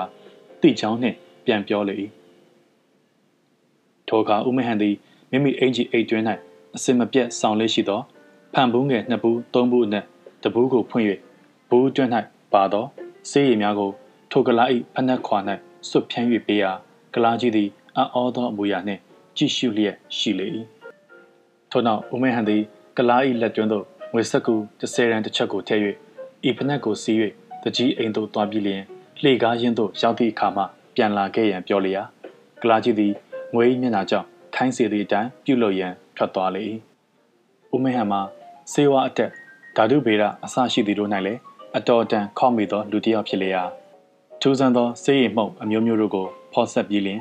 ဆိုင်ရာဆိုင်ရာအသုံးပြုခဲ့လေသည်ကလာဤဖနက်၌စွတ်ဖြန်း၍ပေးလိုက်သောစေတကိုမှာတော်ထရစ်ဆန်မှတ်သမျှတို့သည် ရင်းစေး၏အနံ့ကိုရရှိသောအခါမြမြပင်တွန်တင်ဆုံးမ၍ထားသဖြင့်ရင်ပါလျက်ရှိစေကမူမူလပဂရိတောစိတ်ဝင်ခဲ့ပြီးလျင်ကြိုက်ချင်ခဲကျင်သောစိတ်ဖြစ်ပေါ်လာ၍အနံ့ရှိရာသို့တဟုန်တည်းထိုးလိုက်၍တွေ့မြင်ရာလူကိုမိမိတို့သဘာဝလျောက်ကြိုက်ခဲပုတ်တက်ခြင်းကိုပြုတတ်လေသည်တနင်္ဂနွေကြော်ခတ်မြကြသောအခါကလားကြီးသည်ပြန်လာခဲ့၍စိတ်ခိုင်းလိုက်သည့်အတိုင်းပြုလုပ်ပြီးစီးခဲ့ကြောင်းနှင့်ပြောပြလျာဦးမင်းဟန်သည် ထိုဖနက်ကိုချွတ်စေလျက်ဝဝနှက်ချီထားသောတန်ကြိုးကိုဖြုတ်ပေးရန်စိတ်ခိုင်းလေ၏ကလာကြီးသည်မိမိအားစိတ်ခိုင်းသည့်အတိုင်းဝဝင်ချီထားသောနေရာသို့သွား၍တန်ကြိုးကိုဖြုတ်ပေးရာဝဝင်ကြီးသည်ပထမမိမိအားတန်ကြိုးဖြုတ်ပေးသည်ကိုနားမလည်သဖြင့်လှုပ်ရှားပြေးလွှားခြင်းမပြုဘဲငြိမ်ဝတ်စွာရှိနေရမှတဖြည်းဖြည်းအနံ့ရသည့်လက္ခဏာနှင့်ဦးကောင်းကိုရှိုကြီးတစ်ခါမော့ကြီးတစ်လှည့်နှင့်ပြုလုပ်ပြီးနောက်နှာခေါင်းကိုရုတ်တရက်မြေ၌ကပ်ပြီးလျင် တရှုရှုနှင့်အနံ့ခံကရှေးမကားရွာဘက်သို့လျင်မြန်စွာလိုက်သွားလေ၏အခန်းတော်ဦးဆန်ရှာသည်မိမိပေါ်၌ဖိလျက်ရှိသောဝဝင်အသေးကောင်ကိုခဲရင်စွာဖယ်ရှား၍လဲရမှထလျာကျွန်တော်နှင့်တကြီးတို့မှမူအံ့ဩခြင်းမပြေပြောက်သေးသည်ဖြစ်၍ညီတို့မျှအကူအညီမပေးနိုင်ပဲဝဝင်ကိုပင်ငေး၍ကြည်နေမိကြလေ၏ထိုအခါ၌မူကား ရွာသူရွာသားတို့သည်ညင့်ခါ၌တနတ်တန်ကြားသည်ဖြစ်သောကြောင့်တကိုးလေလောဓမြလီလောဟုအောင်းမိသဖြင့်ဓာလှန်စသည့်လက်နက်တို့ကိုအသီးသီးကင်ဆွဲလျက်မိကွက်များနှင့်ဆိုက်ရောက်လာကြလေရာဝဝင်အသေးကောင်ကိုမြင်ကြသောအခါအချို့ကလည်းဝဝင်ရိုင်းဖြစ်သည်လူချို့ကလည်းမကြာမီကမှပြသွားသောကလားပြပွဲမှလွတ်၍လာသောဝဝင်ဖြစ်သည်အဆရှိသဖြင့်စူညံစွာငင်းခုန်ပြောဆိုလျက်ရှိကြလေ၏ရွာသူရွာသားတို့သည် ဝဝင်အသေးကောင်ကိုလှန်လောကြည့်ရှုလျက်ရှိကြစဉ်ဦးဆန်ရှာသည်စုပ်ပြက်လျက်ရှိသောမိမိအိမ်ကြီးများကိုချုပ်လိုသည့်လက္ခဏာနှင့်အိမ်ထဲသို့ဝင်သွားရာကျွန်တော်လည်းသူ၏နောက်မှဝင်၍လိုက်သွားလေ၏တကြီးကတော်နှင့်သမီးများသည်ဝဝင်ကုတ်ဖြဲသဖြင့်စုပ်ပြေးလျက်ရှိသောဦးဆန်ရှာ၏အင်ကြီးများကိုတီချုပ်လျက်ရှိကြစဉ်ဦးဆန်ရှာသည်မီးလင်းဖို့အနီး၌ထိုင်ကစေးရန်ကိုဖွာလျက်စဉ်းစားစိတ်ကူးသည့်အမူအရာနှင့်ရှိနေလေ၏ကျွန်တော်သည်ရင်းအချင်းရာကို တွေ့မြင်ရသောအခါဦးဆန်ရှာသည်ကစိတ်မကျေနပ်ဖွယ်အကြောင်းတစုံတစ်ခုတွေ့ရှိသဖြင့်နက်နက်နဲနဲစဉ်းစားနေသည့်အကြောင်းကိုရိပ်မိသည်နှင့်သူ၏အနီး၌ထိုင်ကဦးဆန်ရှာပြောမိစကားကိုမျော်လင့်စောင့်ဆိုင်လျက်ရှိရာဘယ်နဲ့လဲကိုသိမ်းမောင်ခမဘယ်နဲ့ထင်တယ်လဲဘာဘယ်နဲ့ထင်ရမှာလဲဗျာဝဝင်အကြောင်းပြောပါတယ်ဗျာကျွန်တော်ဖြင့်ဒီဝဝင်ဟာအရင်မဟုတ်ဘူးအရင်လို့ထင်တယ်ဗျာဒါကတော့ဟုတ်ပါတယ်ဗျ ဒီရက်ကဝဝင်ရှိတဲ့အရက်မှမဟုတ်ပဲရွာသားတွေတွေးတဲ့အတိုင်းပွဲပြစားတဲ့ကလားလက်ထဲကလွတ်လာခဲ့တဲ့ဝဝင်မှာပဲသို့တော့ကျုပ်စဉ်းစားနေတဲ့ချက်ကဒီဝဝင်ဟာမတော်တဆလွတ်လာတာတော့မဟုတ်ဘူးတမင်ဖြုတ်လွတ်လိုက်တယ်လို့ထင်တယ်ဘယ်နဲ့ကြောင့်လဲဗျဘယ်နဲ့ကြောင့်လဲဆိုတော့ဟိုရင်ခမည်းမရှိတော့ကစက်ကပ်ပွဲမှာပထမတန်းကြည့်နေတော့ပွဲတွေကစင်ကကျုပ်ကိုအနံ့ခံပြီးနှာမောင်းနဲ့မှွေပြီး ပေါက်တက်မယ်လှုပ်ဖူးတဲ့ကြောင်းမြင်းထွက်လာတော့လေထွက်လာသမျှမြင်းနိုင်ကကျုပ်ကိုခွာနဲ့ပေါက်ချင်းမြောက်တွေကလည်းကြိုက်ချင်းဒီကြောင့်ခမရကိုကြုတ်ပြောဘူးတယ်မဟုတ်လားဦးမင်းဟန်ဆိုတဲ့လူကခမရအဝတ်ကိုခမရမသိအောင်တရိษံစိတ်ဆိုးစေတဲ့ဈေးနဲ့တိတ်တိတ်ပုံဆွတ်ထားတယ်ဆိုတော့ကမဟုတ်လားဟုတ်တယ်ဒီတုန်းကကျုပ်ကံကောင်းပါလားဗျကြာတော့ရှေ့ဆုံးအတန်းကမကြည့်ဝံပဲဟိုးနောက်သွားကြည့်ရတယ်အခုဒီဝဝင်ကိစ္စလဲဟို တုန်းကဟာတမျိုးပဲဖြစ်မယ်လို့ခမရထင်သလားကျုပ်ဒါကြောင့်စဉ်းစားနေတာဗျဟုတ်နိုင်မယ်မထင်ပါဘူးဗျာဟိုတုန်းကတော့ဦးမင်းဟန်ကလွတ်တာဟောဗျအခုတော့ဦးမင်းဟန်တေးပြီးဟာကပဲဦးမင်းဟန်တေးပြီးလို့ခမရဘသူကပြောတယ်လဲမျက်စိရောက်တွင်တမန်နှစ်သွားတာမြင်လိုက်သားကပဲဗျာတဲမထင်နဲ့နော်ကိုသိမ်းမောင်ဒီလူကကျုပ်ပြောတဲ့အတိုင်းအမတန်အသက်ပြင်းတဲ့လူဗျမဟုတ်ရင်လွဲရောက်ကျုပ်ဖြင့် ဦးမဲဟန်တေကိုမသေးဘူးထင်တယ်ဒီဝဝင်ဟာလည်းသူ့တိုက်တဲ့ဝဝင်မဲ့ထင်တယ်ကလားဝဝင်ကိုတိတ်တိတ်ပဲဖြုတ်လွတ်လိုက်သလားဒါမှမဟုတ်ဝဝင်ပြကလားနဲ့ပူပေါင်းပြီးတော့ပဲလှုပ်ကြံလေသလားတခုခုပဲသို့တော့ဝဝင်ပြကလားရှိတဲ့အရက်နဲ့ဦးမဲဟန်ရှိတဲ့အရက်ဟာကတော့တေမဝေးကြဘူးဗျကျုပ်ဖြင့်အတက်ဆိုချင်တာပဲကိုသိမ်းမောင်ထိုခဏ၌အိမ်ရှိမှရွာသားတို့သည်ဆူဆူညံညံဖြစ်၍သွားလျာကျွန်တော်တို့သည် တစုံတရာအကြောင်းထူးလေသလိုဟုအိမ်ရှိသို့တွားရောက်ကြည့်ရှုကြသည်တွင်ကလာနှစ်ယောက်တို့သည်ကြေးခွန်းစွတ်သောတုတ်ကြီးများကိုကန်လျက်မှန်အိမ်များကိုလက်ဆွဲကာအိမ်ရှိသို့ရောက်လာကြသည်ကိုတွေ့မြင်ကြရလေ၏ရင်ကလာနှစ်ယောက်တို့သည်ဝဝဝင်အသေးကောင်ကိုမြင်သည်နှင့်တပြိုင်နက်ဝမ်းထဲပက်လက်ရှိသည့်အမူအရာနှင့်ရှိနေကြရာကျွန်တော်တို့ကအကျိုးအကြောင်းမေးမြန်းသည့်အခါတွင်ရင်းဝဝင်သည်မိမိတို့တပားသွားနေအခါတန်ကြိုးမှလွတ်၍ထွက်သွားကြောင်းထို့ပြင်အလွန်ရင်ပါလိမ္မာသည်ဖြစ်သောကြောင့်က လေးကိုပင်နာကျင်အောင်ပြုလို့မည်ဝဝင်မဟုတ်ကြောင်းဤမြလောက်ရင်ပါသောတရိษံကိုတနတ်နှင့်ပြစ်ခတ်တပ်ဖြတ်လိုက်သည်မှာအလွန်တရာရက်ဆက်ကြောင်းမိမိတို့မှာဤတရိษံနှင့်အသက်မွေးရသည်ဖြစ်သောကြောင့်ထမင်းငတ်ရန်သာလျင်ရှိတော်ကြောင်းညာနှင့်ကလားဘာသာဖြင့်ပြန်ပြောလေ၏ထိုအကြောင်းများကိုကျွန်တော်ကမြန်မာဘာသာဖြင့်တကြီးအားပြန်ကြားပြောဆိုသည့်အခါတကြီးကဤဝဝန်သည်ရင်ပါသည်ဟူ၍ဆိုတော်လေမိတ်ဆွေတယောက်မှာတနက်ပါ၍သာ အသက်ချမ်းသာရာရကြောင်းဤကဲ့သို့လူတစ်ပါးအားအသက်အန္တရာယ်ဖြစ်စေတတ်သောတရိษံတကောင်ကိုကောင်းမွန်စွာမထိန်သည့်အတွက်မိမိကကလားများကိုချုပ်နှောင်၍ထားနိုင်ကြောင်းများဖြင့်ချိန်ချောက်ပြောဆိုလေ၏ထိုတော်တွင်၌ဥဆန်ရှာသည်မြည်တို့မြဝင်မပြောဘဲကလားများ၏အကဲကိုခတ်လျက်ရှိရမှာမင်းတို့စီလာတဲ့မြန်မာတယောက်ဘယ်မှာနေရတယ်လဲဘယ်ကမြန်မာလဲဆရာကြီးညနေကမြန်မာတယောက်လာတယ်လေ ဟိုလန်ဘာဝါလာလေကလားသည်ရုတ်တရက်မျက်နှာပြက်ဟန်ရှိတော့လဲဟန်လို့၍မြန်မာလည်းမလာဘူးကလားလည်းမလာဘူးဆရာကြီးမင်းတို့ငွေဘယ်လောက်ရတယ်လဲဘာငွေလဲဆရာကြီးတန်ကျိုးကိုမင်းဖြုတ်သလားမြန်မာဖြုတ်သလားဘာတန်ကျိုးလဲဆရာကြီးဦးဆန်ရှာမှာကလားများပြန်ပြောသောစကားကိုပမာဏမထားဘဲရှင်တို့၏မျက်နှာကဲကိုသာကြည့်လျက်အဖြေရခတ်သောမိကုန်းကိုသာလျင်တစ်ခုပြီးတစ်ခု ဆင့်လောင်း၍မေးပြီးလင်နောက်ဆုံး၌မိမိထင်သည့်အတိုင်းဟုတ်ပြီဟုသောမျက်နှာထားမျိုးနှင့်အိမ်တွင်သို့ဝင်သွားလေ၏ကလာတို့သည်ဝဝင်၏အရေးမျှသာလျင်မိမိတို့အားပေး၍အသားကိုမူအလိုရှိရာပြုလုပ်ကြရန်ရွာသားတို့အားအခွင့်ပေးသည်တွင်ရွာသားတို့သည်အရေးကို ကလားများအားစုပ်ပေး၍အသားကိုမူခုတ်ထစ်ဝေငှယူငင်ကြလေသည်နနက်လင်းသည်နှင့်တပြိုင်နက်ဦးဆန်ရှားသည်ကျွန်တော်အားနှိုးသဖြင့်အိယာမှထားကြပြီးလင်တကြီးအား အညောင်းပြေလမ်းလျှောက်သွားအောင်မည်ဟုပြောခဲ့၍ရွာမှထွက်လာကြလျာလန်ခိနကျုပ်တော်ကလားတွေကိုမတင်ကားဘူးကိုသိမ်းမောင်ဟုတ်တယ်ပြောခမည်းမေးတော့မျက်နှာပြတ်တယ်လို့ထင်တယ်အခုကလားတွေစီသွားမလို့လားဟုတ်လို့ဟုတ်ညားပါဗျာဟိုရှိကဇေရက်တွင်မှာပဲမဝေးပါဘူးထို့နောက်ကျွန်တော်တို့ဒီစကားမပြောကြပဲဆက်လက်၍ရှောက်သွားကြရာဇရက်နှင့်မလှမ်းမကန့်သို့ရောက်သောအခါမြမနှင့်တူသောလူတစ်ယောက်သည် ဇရက်ပေါ်သို့ပြာကြီးပြာရာတက်သွားသည်ကိုရှစ်ခနဲ့မြင်လိုက်သည်ဟုထင်မှတ်သဖြင့်ဦးဆန်ရှာအားလက်တို့၍ပြမိလေ၏ဦးဆန်ရှာမှာသူလည်းမြင်လိုက်သည့်လက္ခဏာနှင့်ခေါင်းငိမ့်၍ပြပြီးလင်၆လုံးပြည့်ကိုနေရာတကျရှိမရှိထုတ်၍ကြည့်ပြီးနောက်ခါ၌ပြန်၍ထိုးထားလိုက်လေ၏ထို့နောက်ကျွန်တော်တို့သည်ခတ်တုတ်တုတ်ရှောက်၍လာကြရာဇရက်အနီးသို့ရောက်သောအခါကလားညှက်တို့သည်ဇရက်ပေါ်၌မြောက်များကိုတင်ကြားဆုံးမလျက်ရှိနေသည်ကို တွေ့မြင်ကြရလေ၏ကျွန်တော်တို့ကိုမြင်သည်နှင့်တပြိုင်နက်ကလားများသည်ဇရက်ပေါ်မှဆင်းလာ၍မှတ်မိသည့်လက္ခဏာဖြင့်ခရီးဥကြိုပြုကြလေရာဥဆန်ရှာနှင့်ကျွန်တော်တို့သည်ဇရက်ပေါ်သို့တက်၍တေချာစွာကြည့်ရှုကြလေ၏ရင်းစရက်မှာနှစ်ဖက်သောမျက်နှာ၌သာလျှင်အကာအယံရှိ၍ကြံနှစ်ဖက်၌ကအကာအယံမရှိဘဲဟာလာဟင်းလင်းရှိလေ၏ဇရက်ပေါ်၌ကစားအင်တောက်ခွက်များနှင့်အိယာနေရာများပြင်တခုသောတောင်း၌ကတန်ကြိုးချီထားသောဝဝင်တစ်ကောင်သည် အိပ်ပျော်လျက်ရှိသည်ကိုတွေ့ရလေ၏ထိုအခါကျွန်တော်နှင့်ဦးဆန်ရှာတို့မှမြမတယောက်တက်သွားသည်ကိုမြင်လိုက်ရပါလျက်နှင့်ဇရက်ပေါ်မှဆင်း၍သွားသည်ကိုလည်းမမြင်လိုက်ရပုံအောင်ကွယ်ရာအရက်ကိုလည်းရှာမတွေ့သည်နှင့်တယောက်မျက်နှာကိုတယောက်ကြည့်ကအံ့ဩလျက်သာလျင်ရှိနေကြရလေ၏ထို့နောက်ဦးဆန်ရှာသည်ကလားနှစ်ယောက်၏မျက်နှာကိုတယောက်ပြီးလျင်တယောက်တေချာစွာကြည့်ရှုပြန်လေရာရည်သည့်ကလားမျှဦးမင်းဟန်နှင့်မတူသဖြင့်အမိုးတို့၎င်း စောင့်များကိုတုံးနှင့်ထိုး၍၎င်းကြည့်ရှုပါတော့လဲမတွေ့ပဲရှိနေလေ၏ထို့နောက်ဦးဆန်ရှာသည်ကလားနှစ်ယောက်အားတယောက်ပြီးလျင်တယောက်ယမန်နေ့ညကထပ်ပင်စိတ်ငုတေချာစွာမိကွန်များထုတ်ပြန်လေရာကလားနှစ်ယောက်တို့သည်ထိတ်လန့်တုန်လှုပ်သည့်အမူအရာရှိသည်ဟု၍ကျွန်တော်တို့စိတ်တွင်ထင်မှတ်ရညာတော့လေဦးမင်းဟန်၏အကြောင်းကိုမူမေးမြန်း၍မရခဲ့ချေ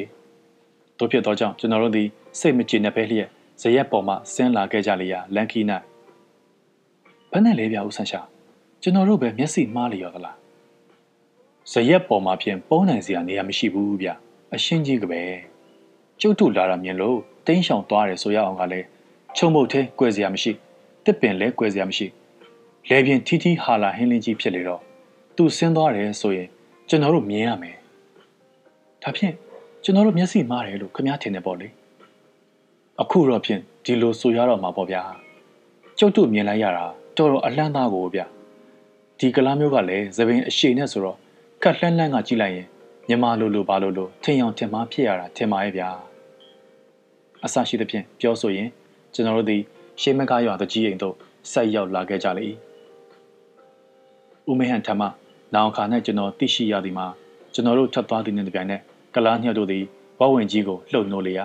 ဝဝင်ကြီးသည်လှုပ်ရလာပြီးနောက်ဝမ်ဘိုက်အကွဲ၍ဦးမင်းဟန်သည်အပြင်သို့ ထွက်လာလေ၏ဦးဆန်ရှာနှင့်ကျွန်တော်တို့လာသည်နှင့်တပြိုင်နက်ဦးမင်းဟန်သည်ဇရက်ပေါ်သို့တက်ပြေး၍ပုံအောင်ရာအရက်ကိုကြည့်ရှုရာဇရက်ပေါ်၌ဟာလာဟင်းလင်းဖြစ်နေသဖြင့်လုံခြုံမိနေရာကိုလည်းမမြင်ဆင်း၍ပြေးပြန်လျင်လည်းမလွတ်ရှိသောကြောင့်လျင်မြန်စွာညံရှိသူတယောက်ဖြစ်သည့်အလျောက်ထိုညကကလားများဆုပ်၍ယူလာခဲ့သောဝဝင်ရေကိုမြင်သည်နှင့်တပြိုင်နက်အကြံဖြစ်ပေါ်၍လာခဲ့လေ၏ဦးမင်းဟန်သည်ဝဝင်ရေအတွင်းသို့ဝင်ပြီးလျင်စောင်းများအဝက်များခေါင်းအုံများကို ပြည့်ဖောင်းအောင်တွတ်သွင်း၍ထရံဘက်ကိုဝမ်းပိုက်လှည့်ပြီးလျင်အိပ်ပျော်နေသည့်ဟန်နှင့်တူအောင်ပြုလုပ်၍ထားရာကျွန်တော်တို့တက်ယူလာသောအခါဝဝင်တကောင်အိတ်နေသည်ဟုထင်မှတ်ခဲ့လေ၏ထိုကြောင့်များကိုနောင်ခါ၌ဥဆန်ရှာသိရှိသောအခါ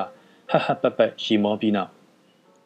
လူပါပလင်းတီဆိုတာဒီဟာမျိုးပဲကိုသိမ့်မောင်နောက်များကျုပ်စိတ်ကြီးဝင်တယ်လို့လို့ရှိတဲ့အခါများကြာရင်ဒီဝဝင်အကြောင်းသာတတိပေးလိုက်ပါဗျာဟုတ်ပြောဆိုလေ၏ အခန်းလေးထိုနေ့ညနေ၌ပင်ကျွန်တော်တို့သည် ရှေးမကားရွာမှပောက်ကံပူရာသို့လှဲနှင့်ပြန်လာကြလျာ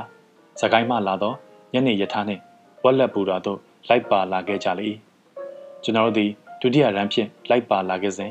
ဦးဆန်ရှာသည်တွဲပြင်သို့မကြမကြာခေါင်းပြူ၍ကြည်လေ၏အတန်ကြာပြန်လျင်ဦးဆန်ရှာသည်တွဲ၏တစ်ခုသောတောင်း၌ကက်လျက်တတိယရန်ဘက်သို့စောင်းငယ်ကြည့်ရှုလျက်ရှိပြန်ရာကျွန်တော်သည် ဦးဆန်ရှာကြည့်သည့်အရာကိုသိလိုသည်ဖြစ်၍သူ၏နောက်မှတွားရောက်ကြည့်ရှုရာမြင်ရလားကိုသိမ်းမောင်ဘာမြင်ရမှာလဲဗျပန်ချာပီကလာတယောက်ဒီဘက်ခေါင်းပြူကြည့်နေတာမြင်ရတာပေါ့တေးသေးချာချာကြည့်ပါဦးဗျထိုက၌ကမေးထားသည့်ပောက်ကံပူရာနှင့်ဝက်လက်ပူရာတို့၏အလဲသို့ရောက်ရှိပြီးဖြစ်ရာထိုလမ်းတစ်လျှောက်၌ရင်းပူရာတစ်ခုသည်အလွန်ဝေးကွာသည်ဖြစ်၍မေးထားသည်အလွန်နှင့်မြန်စွာခုတ်ညံလျက်ရှိလေ၏ ကျွန်တော်နှင့်ဦးဆန်ရှာတို့ကြည့်ရှုနေကြသည့်တခဏ၌ရင်းပန်ချပြီးသည်ရှေ့သို့တခဏမျှမျောကြည့်ပြီးနောက်တွဲပြင်သို့ပြာကြီးပြာရာထွက်လာခဲ့ရာမိထားသည်လည်းမိုးမြောင်းတစ်ခုကိုဖြတ်ကျော်မြည်ဆက်ဆဲရှိနေလေထိုအခါပန်ချပြီးသည်တွဲပြင်ရှိလက်ရန်ကိုကန်ပြီးလျင်ကိုကိုနှွဲလျက်ရှိရာဥဆန်ရှာသည်သူ၏အကြံကိုရိပ်မိသည်နှင့်လျင်မြန်စွာတွဲကူး၍သွားတော်လဲပန်ချပြီး၏အနီးသို့မရောက်မီပင်ပန်ချပြီးသည်လက်ရန်ကိုလွှတ်၍မိုးမြောင်းမှ ခုန်ချလိုက်လေသည်ယထာသည်အရှိန်ပြင်းစွာခုတ်လျက်ရှိသည့်ပြင်မူးမြောင်းမှလည်းဆယ်ပေခန့်မြသာကျယ်ဝန်းသည်ဖြစ်သောကြောင့်ယထာပေါ်မှရေထဲသို့ရောက်အောင်ခုန်၍ချရခြင်းသည်လွယ်ကူသည့်ကိစ္စမဟုတ်ပေ။တို့ရတွင် ထိုသူသည် အလွန်ကျယ်လည်ဟန်လက္ခဏာရှိသောကြောင့်မူးမြောင်း၏အလေတဲ့တဲ့သို့ကြပြေးလင်ဥဆန်ရှားရှိရာသို့မျှော်ကြည့်၍လောင်ပြောင်ကဆက်လန်ပေးလျက်နေရ၏။ဥဆန်ရှားသည်လည်းကျွန်တော်ရှိရာသို့ပြန်လာပြီးလျင်ကိုသိမ်းမောင် ငားမြဘူးရလားငငယ်တုန်းကတော့စမ်းမှုပါရဲ့ဗျာသုံးပိတ်တာလောက်ရှိတဲ့ငကျင်းကြီးငမားမှာဟပ်ပြီးတဲ့နောက်မှာကျိုးပြက်ပြီးလွတ်သွားတဲ့အခါစိတ်ထဲမှာဘယ်နဲ့နေသလဲ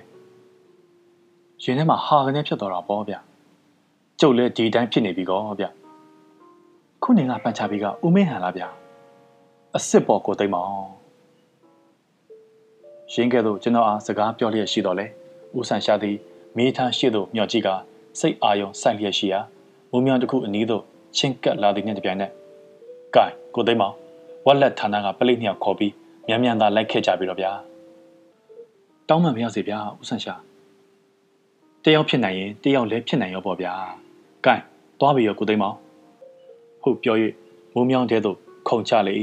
။ပန်ချပြီးခုန်ချသောအခါ၌ကကျွန်တော်မှအံ့ဩတုန်လှုပ်သည်မှန်တော့လေတဲတုံဥတုံဖြစ်လောက်အောင်မရှိခဲ့ပေ။ကျွန်တော်နဲ့ နှစ်ပေါင်းများစွာအတူတကွအနေထိုင်ခဲ့၍ညီကိုရင်းသမျှချစ်ခင်ခဲ့သောဦးဆန်ရှာသည်ရင်းကဲ့သို့ယထာပေါ်မှခုံရွေးချသည်ကိုတွေ့မြင်ရသောအခါ၌ဇလီဖား၏အစွန်းနှင့်ရိုက်မိခြင်းအဆရှိသောဘေးမျိုးမျိုးတို့ကိုတွေးတောဆိုရင်လျက်အသက်မြမရှိဝဲမဲ့မျက်စိပြူကမိုးမြောင်းရှိရသောငုံရည်ကြည့်မိလေ၏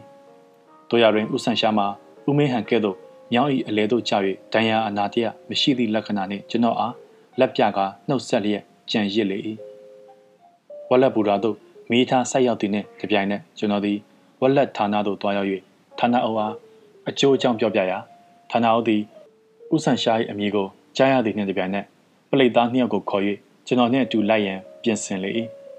ထိုချိန်၌က၈နာရီထိုးပြပြီးဖြစ်ရာလာဆုပ်ဖြစ်သောကြောင့်လာမင်းလည်းထွက်ပေါ်ခြင်းမရှိဘဲမှောင်နှင့်မဲမဲရှိနေသည်တွင်ကျွန်တော်နှင့်ဌာနအုပ်တို့သည်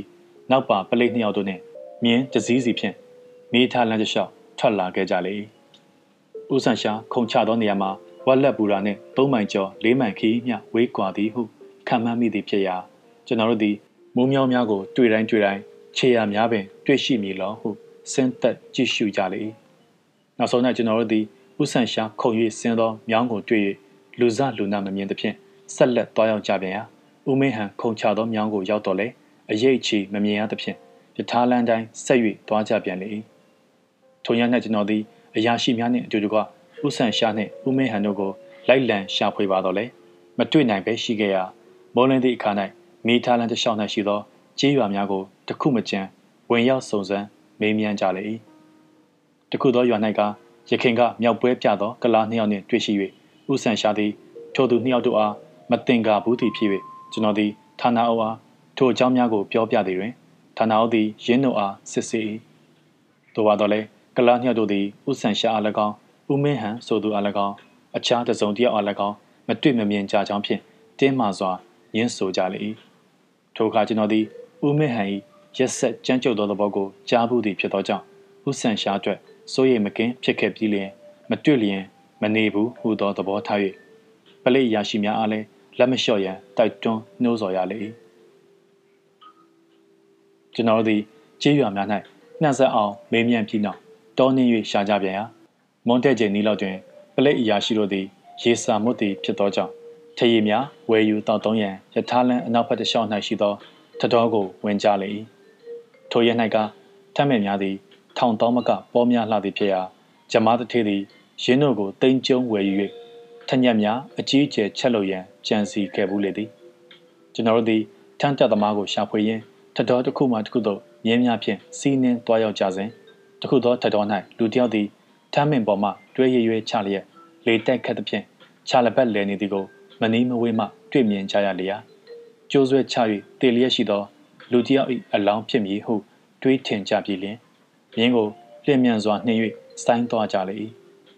အနည်းသို့ရောက်သည့်နှင့်တပြိုင်နက်ထိုသူ၏အဝတ်စားကိုမြင်သည်နှင့်ထိုသူမှာအခြားမဟုတ်ဥဆန်ရှားပင်ဖြစ်ကြောင်းကိုသိရှိရကားကျွန်တော်မှာများစွာတုန်လှုပ်ခဲ့ပြီလျင်မြင်းပေါ်မှဆင်း၍ လျင်မြန်စွာ ပြေးဝင်ကြည့်ရှုလေ၏အခန်းကကျွန်တော်သည်မြင်းပေါ်မှလျင်မြန်စွာ ခုန်ဆင်းပြေးလျင်ကျိုးဖြင့်တွေ့ရရွယ်ဆွဲလျက်ရှိသောဥဆန်ရှားကိုပွေ့ချီ၍တေချာစွာကြည့်ရှုရာဥဆန်ရှားမှာလေပင်ဖြစ်မဟုတ်ဘဲဂျိုင်းအောက်တွင်ကျိုးဖြင့်ချီနှောင်လျက်မြေကြီးကိုခြေမထောက်နိုင်ရုံမျှလောက်အောင်တွဲလွဲဆွဲပြေးလျင်ပါဇက်တွင် မောအော်ဟစ်နိုင်အောင်အဝတ်များပိတ်ဆို့၍ထားသည်ကို တွေ့ရှိရလေ၏ ထိုအခါကျွန်တော်နှင့်ပလိတ်အရာရှိတို့သည်ကျိုးကိုဖြည့်ပြီးနောက်ဂရင်းမအဝတ်များကို ထုတ်နှုတ်ယူငင်ပြီးလင်ဥဆန်ရှားကိုဝှေ့ထူ၍ထားကြလေရာတခဏ၌ကြာလျင်ဥဆန်ရှားသည် စကားပြောနိုင်သည့်အဖြစ်သို့ရောက်ရှိ၍ဘယ်နှနိုင်ထိုးပြီလဲကိုသိမ်းမောင်ဆန်းနိုင်ထိုးပြီဗျကံကောင်းလို့ဗျမနေ့ညတကောင်လောက်ကလေးကတွဲလဲနေလိုက်ရတာနေဝင်လို့မှခမားတို့ပေါက်မလာရင်ဖြင့်ညောင်းတာနဲ့တေးရတော့မှာပဲရင်ငတ်လိုက်တာကိုသိမ်းမောင်ရဲ့ တစိတ်ရေရှာစမ်းပါဟာဗျထိုက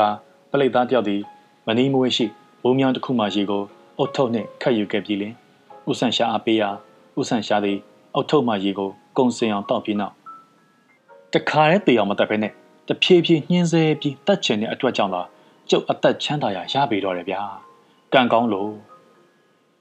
ဖြစ်ပုံတစ်စိတ်တော့ပြောပြစမ်းပါအောင်ဗျာဒီလိုဗျာမိသားဘော်ကခုံဆင်းပြီးတဲ့နောက်ဦးမင်းဟန်ရှိရာ မူးမြောင်သွားပြီးကြည့်တော့ဦးမင်းဟန်လည်းမရှိဘူးဒီတော့ကျုပ်ကသူ့ခြေရာခံပြီးလိုက်ကြရောဗျတမန်ခီးလောက်သွားပြီးတော့မင်းခွက်ကလေးတစ်ခွက်ခက်လန်းလန်းကမှိတ်တုပ်မှိတ်တုပ်နဲ့မြင်ရတာကိုဗျဒီတော့ကျုပ်ကရွာလည်းမရှိတဲလည်းမရှိဘလို့မီးများပါလိမ့်မလဲလို့မတင်ကာရာနဲ့ခတ်ဆိုင်ဆိုင်လုပ်ပြီးတစောင်းကချောင်းကြည့်မယ်လို့တော့ပြုံးဆိုနောက်ကနေပြီးလူသုံးယောက်ကကျုပ်ကိုဝိုင်းဖက်ကြတာကိုဗျကျုပ်လည်းတတ်နိုင်သမျှတော့ယုံတာပဲတို့ပေမဲ့ သူတို့ကဦးနေလေတော့မယုံနိုင်ဘူးဗျသူတို့ခေါ်ရလိုက်ရတော့တာပဲဘသူများလဲဗျဘသူများရမှာလဲကိုသိမ့်မောင်ရဲ့ဦးမင်းဟန်နဲ့ဝက်ဝင်ပြတယ်ကလားနှစ်ယောက်ပေါ့ဗျာဒီလိုတဲ့ဗျဦးမင်းဟန်ကကျုပ်ခုံဆင်းလိုက်မယ်ဆိုတာသိတဲ့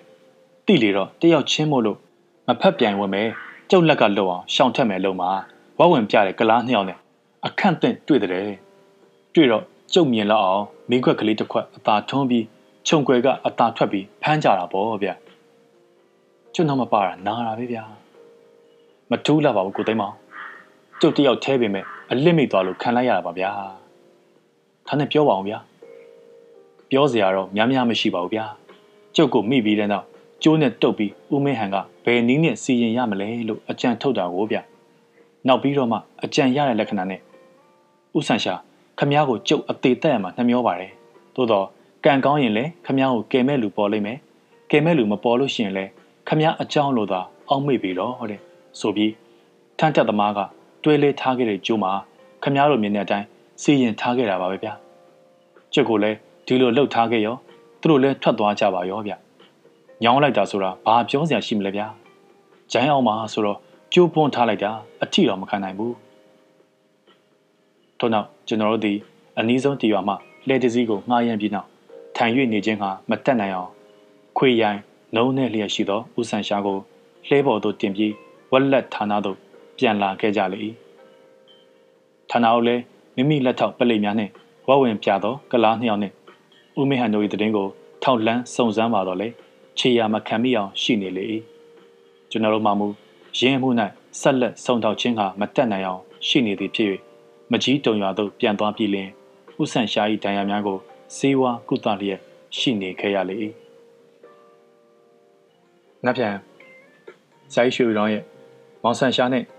ရှေးမကားရွာလူတက်မှုအပိုင်းသုံးစက်သိန်းလေးကိုဆက်လက်ပြီးတော့နားထောင်ပေးကြပါအောင်ဗျ။ကျေးဇူးများတင်ပါတယ်။မင်္ဂလာပါ။ကျွန်တော်ဒေါ်နေဆန်းလာပါ။တော့ဇိုင်းရွှေရောင်းရဲ့ ရှင်းမကားရွာမှာလူတက်မှုဆိုရက်ဝတ္ထုတိုလေးကိုဖတ်ပြနေတာဒီကနေ့အပိုင်း3စက်သိမ်းပိုင်းမှာအခန်း6ဦးဆန်ရှာသည်ကျွန်တော်ခွင့်ရက်စိတ်ကုန်သည့်တိုင်အောင်ကျွန်တော်နဲ့အတူမကြီးတုံရွာတွင်တဲခိုနေထိုင်ပြီးနောက်ကျွန်တော်မှအလုတ်တို့တဖန်ပြန်၍ဝင်ရန်နေ့ရက်နေသည့်အခါထဲမှမကြီးတုံရွာမှထွက်ခွာလာခဲ့ကြလျာမန္တလေးမြို့သို့ ဆိုက်ရောက်ကြလျင်ဦးဆန်ရှားကမေးထားလမ်းဖြင့်မပြန်ပဲ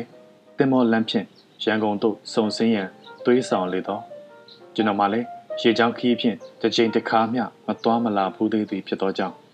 သူ၏အကြံပေးချက်တိုင်းစာဖို့တင်မောနှင့်ရေချောင်းခီးမှလိုက်ပါလာခဲ့ကြလေ၏ကျွန်တော်တို့သည်ဒုတိယရန်အခန်းဖြင့်စီးနှင်းလိုက်ပါလာခဲ့ကြ၍မိသမောသည်နက်နက်လင်းသည်နှင့်တပြိုင်နက်မန္တလေးမြို့စိတ်ကမ်းမှ ထွက်ခွာခဲ့သည်တွင်ကျွန်တော်တို့သည်အိတ်ခမ်းအပြင်သို့ထွက်ပြီးနောက်လက်ဖက်ရည်တောက်ရန်စပွဲ၌ထိုင်ကအခြားခရီးသည်များကိုစောင့်ဆိုင်လျက်ရှိကြလေ၏အတန်ငယ်ကြာလက်သောခရီးသည်အသီးသီးတို့သည်မိမိတို့အခန်းမှထွက်လာကြသဖြင့်စပွဲ၌ထိုင်မိကြလေရာအခန်း၈ခန်းအနက်မှကျွန်တော်တို့ပါလူ15ယောက်ခန့်တို့သည်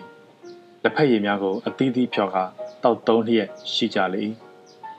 ကျွန်တော်တို့လက်ဖက်ရည်တောက်ပြီး၍ တဝက်ခန့်ကြာသောအခါမျက်မှန်အနက်တက်ဆင်လျက်ရှိသော ပေါက်ဖော်ကြီးတယောက်သည်တခုသောအခန်းမှထွက်လာပြီးလျှင်မိမိအတွက်ခြံ၍ထားသောလက်ဖက်ရည်ပွဲကိုဖျော်၍တောက်လေ၏ကျွန်တော်မှာရေချောင်းခီးဖြင့်မသွားမလာဘူးသည်ဖြစ်၍တောင်ချေကမ်းချေတို့၏ရှုခင်းตาယာတင့်တယ်စွာရှိသည့်အချင်းရာများကိုကြည့်ရှုရ၍အားရပါရချီးမွမ်းပြောဆိုလျက်ရှိရာဦးဆန်ရှာမှာကျွန်တော်ပြောဆိုသည့်စကားကို ကောင်းစွာနားဆိုင်သည့်လက္ခဏာမရှိဘဲစဉ်းစားတွေ့ဝေသည့်အမူအရာနှင့်ရှိနေသဖြင့်ကျွန်တော်၏အနည်းငယ်ရှိသောပါရစီလူမျိုးတယောက်ကိုသာလျှင်မိတ်ကျွမ်းဖွဲ့၍စကားပြောဆိုရလေ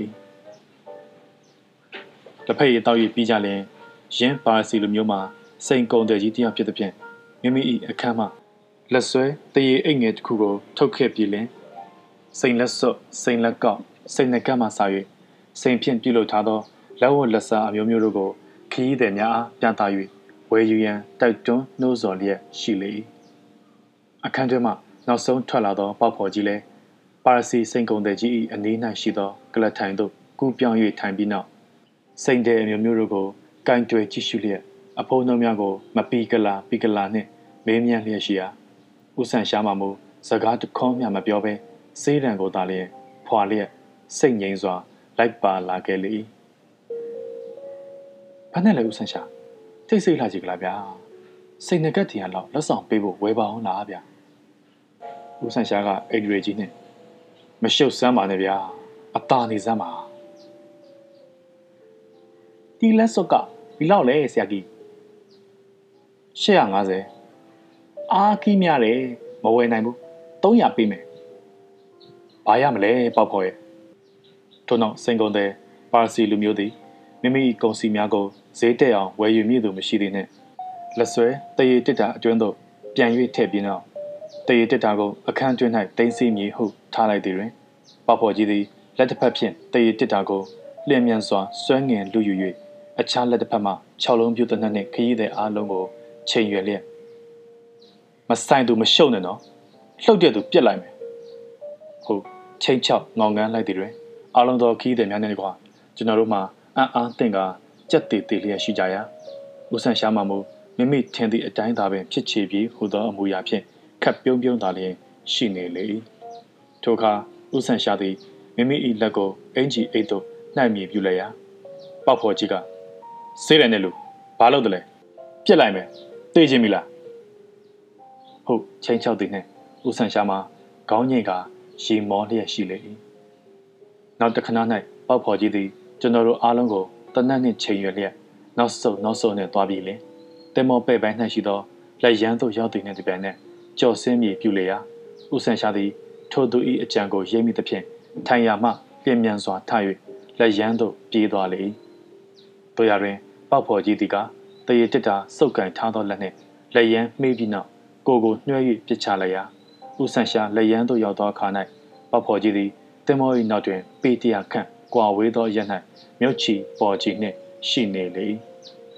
ထိုအခါခရီးသည်အလုံးတို့သည်ထိုင်ရမှပြေးလာကြပြီးလျှင်တင်မောနောက်သို့မျှော်ကြည့်ကြလေရာပေါက်ဖော်ကြီးသည်တရေတစ်တာကိုပါဆက်နှင့်ကိုက်လျက်ကမ်းတစ်ဖက်သို့ကူးနေသည်ကို တွေ့မြင်ကြရလေထိုခဏ၌တင်မောအရာရှိတို့သည်တင်မောပေါ်မှလူတစ်ယောက်ကူးသွားသည့်အကြောင်းကိုသိရှိကြသဖြင့်ခေါင်းလောင်းများကိုထိုးလျက်တင်မောကိုရက်တန့်စေလေတို့ရတွင်ပေါက်ဖော်ကြီးမှာထိုအချိန်ခါ၌ တင်မောနှင့်ဂိုက်ပေါင်း900ခန့်မြဝေးကွာလျက်ကန်းနှင့်ပီတရာခန့်မြသာလျင်ဝေးကွာလေတော့၏စိန်ကုန်တဲ့ကလာကြီးလဲအံ့ဩခြင်းပြေပြောက်ပြီးနောက်မိမိ၏ပစ္စည်းများပါသွားသည်ကိုအလွန်တရာနှမျောလှသည်ဖြစ်၍သပင်ကိုဆွဲကာရင်ဘတ်ကိုထုကာဖြင့်ထိုမှဤမှအော်ဟစ်ပြေးလွှားနေပြီးလင်နောက်ဆုံး၌ကပတိန်အားအကျိုးချောင်းကိုတိုင်ကြားလေ၏ကပတိန်သည်ကမ်းသို့ရောက်လူဆဲဆဲရှိနေသောပေါက်ဖော်ကြီးကိုမှန်ပြောင်းနှင့်ကြည့်ပြီးနောက် ပဲ့၌ချိတ်ထားသောတမန်ကိုဖြုတ်စေ၍တင်မောအရာရှိတယောက်နှင့်တင်မောသားအချို့ကိုစေလွှတ်လိုက်လေ၏ထိုခဏတွင်၌တင်မောသည်ရက်တန့်လျက်ရှိရာမိနစ်20ခန့်ကြာသောအခါတင်မောသားများနှင့်အရာရှိတို့သည်ပြန်လာ၍ထိုသူကိုမတွေ့မမြင်ခဲ့ကြကြောင်းနှင့်ကပတိန်အားအစီရင်ခံကြလေ၏ယင်းတို့မတွေ့ခဲ့ရခြင်းအကြောင်းမှာထိုရက်၌ကျူပင်ဂိုင်းပင်တို့သည်မြေကဘာတစ်လျှောက်၌ထူထပ်စွာအနှံ့ပြားပေါက်ရောက်လျက်ရှိရာလူတစ်ယောက်မျှမက ဆယ်ယောက်မျှသောလူတို့သည်ရင်းအတွင်း၌ဝှေ့ရှိုး၍နေခဲ့ပါမူလူတရာမျှပင်ဝိုင်းဝန်းရှာဖွေပါတော့လဲတွေ့နိုင်ရန်ခက်ခဲလာသောကြောင့်ဖြစ်ပေသည်ထိုအခါကပတိန်သည်မြေတို့မျှမတက်နိုင်သဖြင့်ဝိုင်းနေကြောင်းဖြင့်စိန်ကုံတဲ့ကလာကြီးအားပြောဆိုပြီးနောက်တင်မောကိုအစုံခုံမြဲတိုင်းခုတ်ဆွေလေ၏စိန်ကုံတဲ့ကလာကြီးမှာမူပစ္စည်းများစုံပါသွားသည့်အတွက်ရင်ဘတ်စီတီး၍တလန်းလုံးငင်းညူမဲ့ရွက်လျက်ရှိနေရာဦးဆန်ရှားက ပစ္စည်းတံပိုးဘလောက်ပါသွားသလဲနှစ်တောင်းကြော်ကြော်လောက်ပါသွားတယ်ခင်ဗျာမြင်းမူကြရင်ဆင်းပြီးဌာနမှာတိုင်ပါတော့လားဗျာသူတို့ရှာရင်တွေ့မှာပေါ့တဲဝေးတာမှမဟုတ်ပဲပလိတ်ကိုတိုင်ရင်တိုင်ချက်ရေးတာနဲ့ဟိုကရောင်းစားလို့တော့ကုန်တော့မယ်ခင်ဗျပြန်ရမှာမဟုတ်ပါဘူးနေပါဦးခမရကဘာအရာရှိလဲခမရဟိုမေးလျက်စိန်ကုန်တဲ့ကြီးသည်ဥဆန်ရှာ၏ခံညာသောကိုဟန်အမူအရာကို အကဲခတ်လျက်ရှိနေရကျွန်တော်ကစုံတော့ဘက်ကပါပဲဘာမှနေတယ်လဲခမရရန်ကုန်မှာနေတယ်ဥဆန်ရှာဆိုတာခမရလားကြားဘူးသလားမှန်ပါတယ်ကလာကြီးသည်စိတ်အားကြီးသောအမူအရာဖြင့်တစိတ်လှုပ်ပေးပါဗျာကျွန်တော်ပစ္စည်းပြန်ရလို့ရှိရင်ငွေ9000ကျွန်တော်ပေးပါမယ်ဦးဆန်ရှာသည်ကျွန်တော်အားကြည့်လျက်ဘယ်နဲ့လဲကိုသိမ်းမောင် ထိုကကလာကြီးကတစိတ်လှုပ်ပေးပါမိတ်ဆွေမရရင်ကျွန်တော်ဈေးခံပါမယ်ခင်ဗျာကျွန်တော်ကခမရသဘောပေါ့ဗျာထိုကဦးဆန်ရှာကငွေ9000ကိုကျုပ်တလောက်မမှတ်ပါဘူးဟိုဟာကကျုပ်တို့မိတ်ဆွေဟောင်းကြီးပဲဗျကျွန်တော်ကဘယ်ဟာလဲဗျပေါက်ဖော်ကြီးဟာလေဘာဖြစ်တယ်လဲဗျကျုပ်တို့လူဦးမင်းဟန်ပေါ့ဗျဟုတ်နိုင်ပါမလားဗျာ မလွဲပါဘူးကိုသိမ်းမောင်ကျုပ်ကဒါကြောင့်စကားမပြောဘဲသူ့အကဲကိုကြည့်နေတယ်မဟုတ်လားကဲဒါဖြင့်လိုက်ကြစို့ဗျာခွင့်ရနောက်ကြလို့ရှင်လဲကြံဖန်ပြီးပြောရတာပေါ့စာပုတ်မိသမော်သည်မြင်းမှုစိတ်ကန်းသို့စိုက်သောအခါကျွန်တော်နှင့်ဥဆန်ရှားပြင်စိန်ကုန်တဲ့ပါစီကလာကြီးတို့သည်တဲမောပေါ်မှဆင်းသက်ကြပြီလင်စိန်ကုန်တဲ့အားပလိတ်ဌာနသို့တွားရောက်၍ထုံးစံတိုင်းဌာနအုပ်အားတိုင်ချက်ပေးစေလေ ကျွန်တော်နှင့်ဥဆန်ရှားတော်မှာမူတမန်တစင်းကိုငှားရမ်း၍ပေါက်ဖော်ကြီးခုံ၍ဆင်းရရက်သို့ရွက်တက်၍စံတက်ခဲ့ကြလေအကန်းခွနဲ့ဦးမင်းဟန်သည်တင်မောပေါ်မှခုံ၍ဆင်းသည့်ခါ၌မိသားပေါ်မှခုံ၍ချစဉ်ကကဲ့သို့မိမိအသက်ကိုစွန့်စားရသည်မဟုတ်ပေ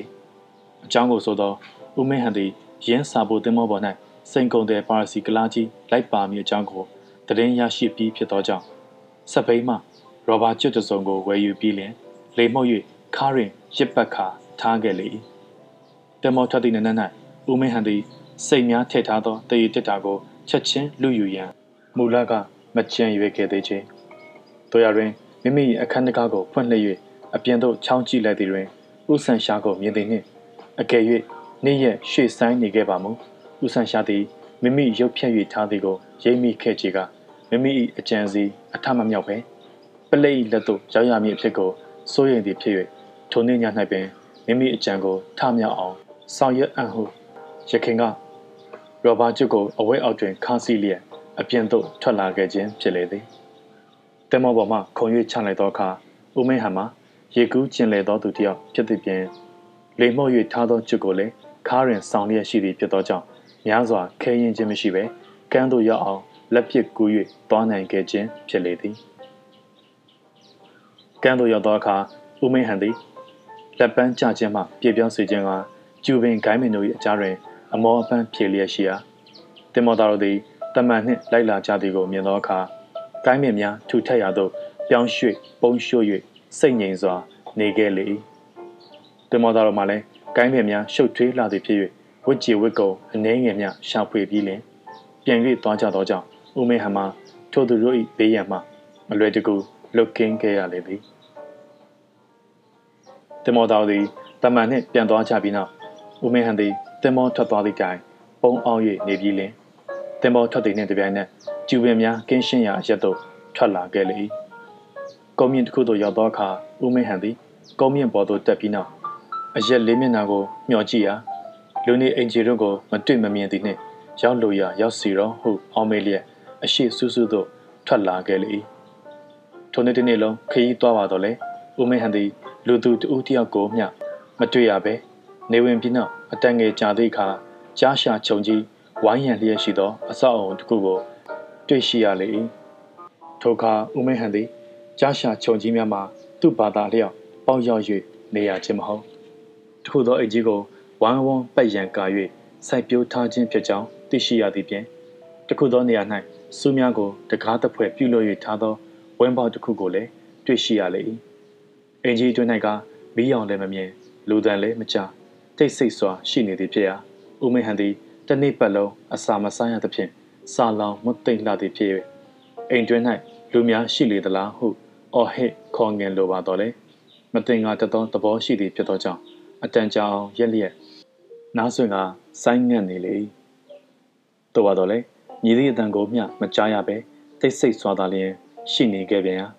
ဦးမင်းဟန်သည်အတွင်းသို့တိတ်တိတ်ဆိတ်ဝင်၍စုံစမ်းအောင်အံ့ဟုစုတကားကိုဖြင်းချင်းစွာဖွင့်ပြီးလျင်ဝင်းတွင်းသို့ဝင်သွားလေ၏ထိုဝင်းကြီးမှာသုံးဧကမျှကျယ်ဝန်းသည်ဖြစ်၍ဝင်းပေါင်းနှင့်အိမ်ကြီးမှာဂိုက်ပေါင်းများစွာဝေးကွာလျာဦးမင်းဟန်သည်ဝင်းတွင်းသို့ဝင်ပြီးလျင်အိမ်ကြီးကိုလှည့်ပတ်စုံစမ်းကြည့်ရှုလျက်ရှိစဉ်အိမ်တွင်မှလူများ စကားတီတိုပြောဆိုတဲ့ကဲ့သို့အတန်များကိုကြားရသဖြင့်အံ့အားသင့်လျက်ရှိလေ၏ထို့နောက်ဦးမင်းဟန်အကြံဖြစ်သည်မှာဤအိမ်ကြီးသည်ရွာနှင့်လည်းမနီးတအိမ်ထီးကဲသာဆောက်လုပ်၍ထားသည်ဖြစ်သောကြောင့်တခိုးသမျှပုံအောင်ရာအရက်ဖြစ်လေမည်လားအကယ်၍တခိုးသမျှမဟုတ်စေကမူမိမိတယောက်တည်းတည်တစ်တာတစ်ခုနှင့်ဝင်၍သွားခဲ့သောအရှင်တို့သည်တည်တစ်တာအတွင်း၌အဖိုးတန်ပစ္စည်းများပါချေမိအကြောင်းကိုတွေးတောပြီးလင်လောဘဇောထွက်၍ အသက်ကိုပင်ရန်ရှာတတ်ချေသည်ငါသည်အိမ်တွင်းသို့မဝင်မီတည်တစ်တာကိုတူဝှက်၍ထားခဲ့အံ့ဟုအောက်မေ့၍လျှို့ဝှက်တင်သောနေရာကိုရှာဖွေကြည့်ရှုလျက်ရှိလေ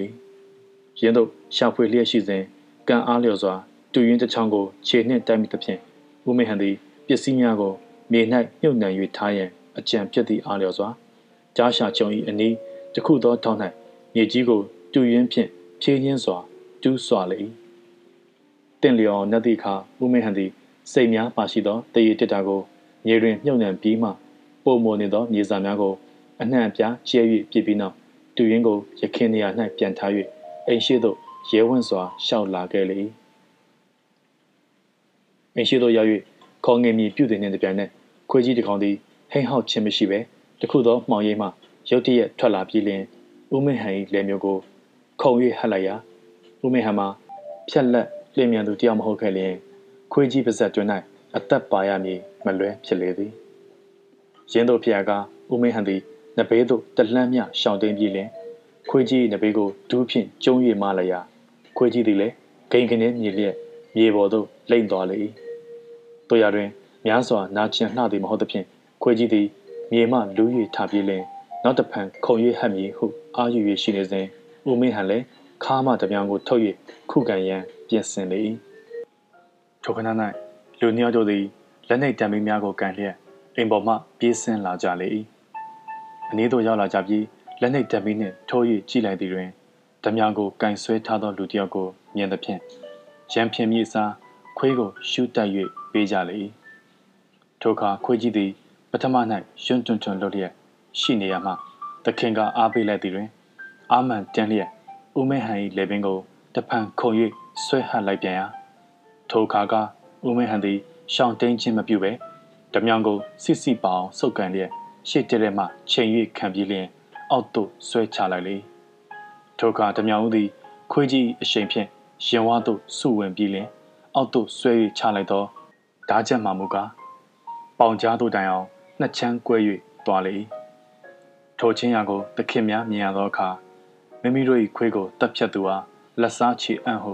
လက်နက်များကိုယူငင်၍အပေါ်သို့ပြေးတက်မြေပြူတယ်ဦးမင်းဟန်ကထိခံကြပါခင်ဗျာကျုပ်ရန်သူမဟုတ်ပါဘူးတင်မောဘော်ကလိမ့်ကြလို့ထမင်းကလေးများတောင်းစားရအောင်လာခဲ့သူပါဟုတ်ပြောတော့အခါလူနှစ်ယောက်နဲ့ဆရာနှင့်တရံတူသောလူကမိမိတပည့်အားဟေးနေပါအောင်ကွယ်မေးစမ်းကြပါအောင်စို့ခမရအဝိတ်ကတော့တရုတ်အိုဝက်စာပြောတာကတော့ပီလာကြီးလားဗျာဟုတ်ပြောတော့အခါမှာဦးမဟန်သည် မိမိမှာတရုတ်လူမျိုးအတွင်းဝတ်ဆင်ထားမိသူကိုတတိယ၍တရုတ်ဆိုပေမဲ့ပြည်ကြီးသားမှမဟုတ်ပဲဗျာတရုတ်ကဗျာကိုမှန်မှန်ပြောခမရဘာလူမျိုးလဲမြမစစ်ပါပဲဗျာအကြောင်းရှိလို့တရုတ်လူရုပ်ပြောင်းထားတာပါဘာအကြောင်းလဲဦးမဟန်ကမျက်စိမှိတ်လျက်ပလိရန်ကိုကြောက်လို့ပါဗျာခမရတို့လည်းအရေးမိသားနဲ့ပလိရန်ကိုကြောက်သည်ဟုပြောတန်ကိုကြားရသောအခါဆရာတပည့်နှစ်ယောက်တို့သည် ဦးမဟန်၏အပေါ်၌ရုတ်တရက်မြစ်တာတောက်ဝင်လာကြပြီလျင်တယောက်မျက်နှာကိုတယောက်ကြည့်ကအတန်ကြာစဉ်းစားစိတ်ကူးပြီးနောက်ခမရသင်္ဘောပေါ်ကလိမ့်ကြရလားပလိတ်တွေရေးမိလို့ခုံချဆင်းပြေးခဲ့ရပါတယ်ဗျာထမဲမစားရသေးဘူးပေါ့မနှက်စာရောညစာရောမတွေ့ရသေးပါဘူးဗျာရှေ့ရင်ကြွေးကြပါကျေးဇူးမမေ့ပါဘူးအိမ်မော်တက်ခဲ့ဗျာဦးမေဟန်သည်အိမ်မော်သို့ခေါငင်သည့်အတိုင်း ရဲဝံ့စွာလိုက်ပါသွားပြီလင်ထိုသူနှစ်ယောက်တို့ကျွေးမွေးသောထမင်းနှင့်ကြက်သားဟင်းများကိုမိန်ရှက်စွာစားတော့ပြီးနောက်တေပြီးကျေးဇူးကြီးသဗျာဒါထက်ကျွန်တော်တွေးကြည့်ရရင်ဖြင့်မဟုတ်လေလွဲရောခမရတော့လဲကြုတ်လို့ပဲပလိတ်လက်ကလွတ်အောင်ရှောင်နေတဲ့လူတွေပဲမဟုတ်လားဆရာလို့သူဒီမေးသည့်စကားကိုမဖြေသေးပဲခမရဘယ်ရက်သားလဲဇာတိကတော့ရွှေဘူပင်းတရားကပဲဗျနေတော့ရန်ကုန်မှာနေပါတယ် ထို့နောက်ထိုသူနှစ်ယောက်တို့သည်ဦးမင်းဟန်အားမိကုံးများထုတ်ကြပြီးလျင်ဦးမင်းဟန်၏ဖြေကြားချက်များကိုစိတ်ကြည်နေသည်ဖြစ်၍မိမိတို့၏အကြောင်းကိုထုတ်ဖော်ပြောကြလျာမိမိတို့မှလည်းဦးမင်းဟန်ကဲ့သို့ဝရမ်းပြေးများဖြစ်ကြကြောင်းဤရင်သည်လူနေသောအိမ်မဟုတ်တောရကြောင်းဖြစ်ကြောင်းဤကြောင်း၌တရင်သုံးသောဖုံးတော်ကြီးများမှာ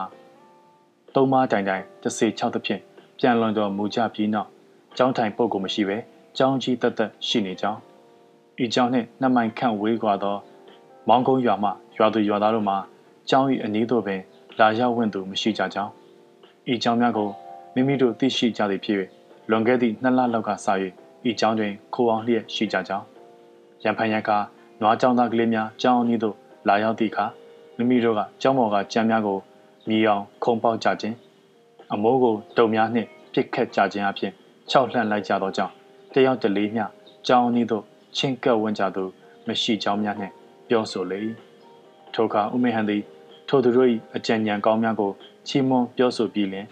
ရင်းတို့နှင့်တေမခွဲရှင်မကွာနေထိုင်ပါမည်အကြောင်းနှင့်တောင်းပန်ပြောဆိုသည်တွင်ထိုသူတို့သည်ဝမ်းမြောက်ဝမ်းသာခွင့်ပြုကြလေ၏ဦးမေဟန်၏အကြံမှာထိုသူများရင်းကဲ့သို့ယုံကြည်လက်အောင်ပြောပြီးနောက်အခါခွင့်တင့်လျော်သည့်အခါ၌မိမိပစ္စည်းများကိုဖော်ယူထွက်သွားရန်ကြံစည်ခြင်းဖြစ်လေသည် ထို့နောက်ဦးမင်းဟန်နှင့်မိတ်ဆွေတစ်တို့သည်မိမိတို့တွေ့ကြုံခဲ့ရသည့်အဖြစ်အပျက်များကိုတယောက်တစ်လှည့်ပြောဆိုကြပြီးနောက်အိယာသို့ဝင်ကြလေကုန်၏အခန်းရှိကျွန်တော်နှင့်ဦးဆန်ရှာတို့သည်တမန်ကိုရွတ်တက်၍လာကြရာဦးဆန်ရှာမှမူဥပြိုင်းသည်ရေထဲမှငါးကိုချောင်းနေသည့်အလားကဲ့သို့တမန်ဦး၌ထိုင်လျက်ကမ်းဘတ်သို့မျှော်ကြည့်ကာစိတ်ငြိမ်စွာလိုက်ပါလာခဲ့လေ၏ တမန်မမူလေပြင်းစွာတိုက်ခတ်သည်ဖြစ်သောကြောင့်ရွတ်တို့သည်အစင်မပြတ်ပြည့်ဖောင်းလျက်ရေပန်းများထအောင်လှိုင်းများကိုဖြတ်ခွဲ၍တက်လျာတနာရီလျင်ဆယ်မိုင်နှုံးမြအနည်းဆုံးစံတက်လျက်ရှိလေ၏သုံးနာရီခန့်မြကြာသောအခါဥဆန်ရှာသည်ရှိကထပ်ပင်စိတ်အာယုံစူးစိုက်စွာနှင့်ကမ်းဘတ်သို့မျှော်ကြည့်ကာလိုက်ခဲ့လေရာထိုရက်၌က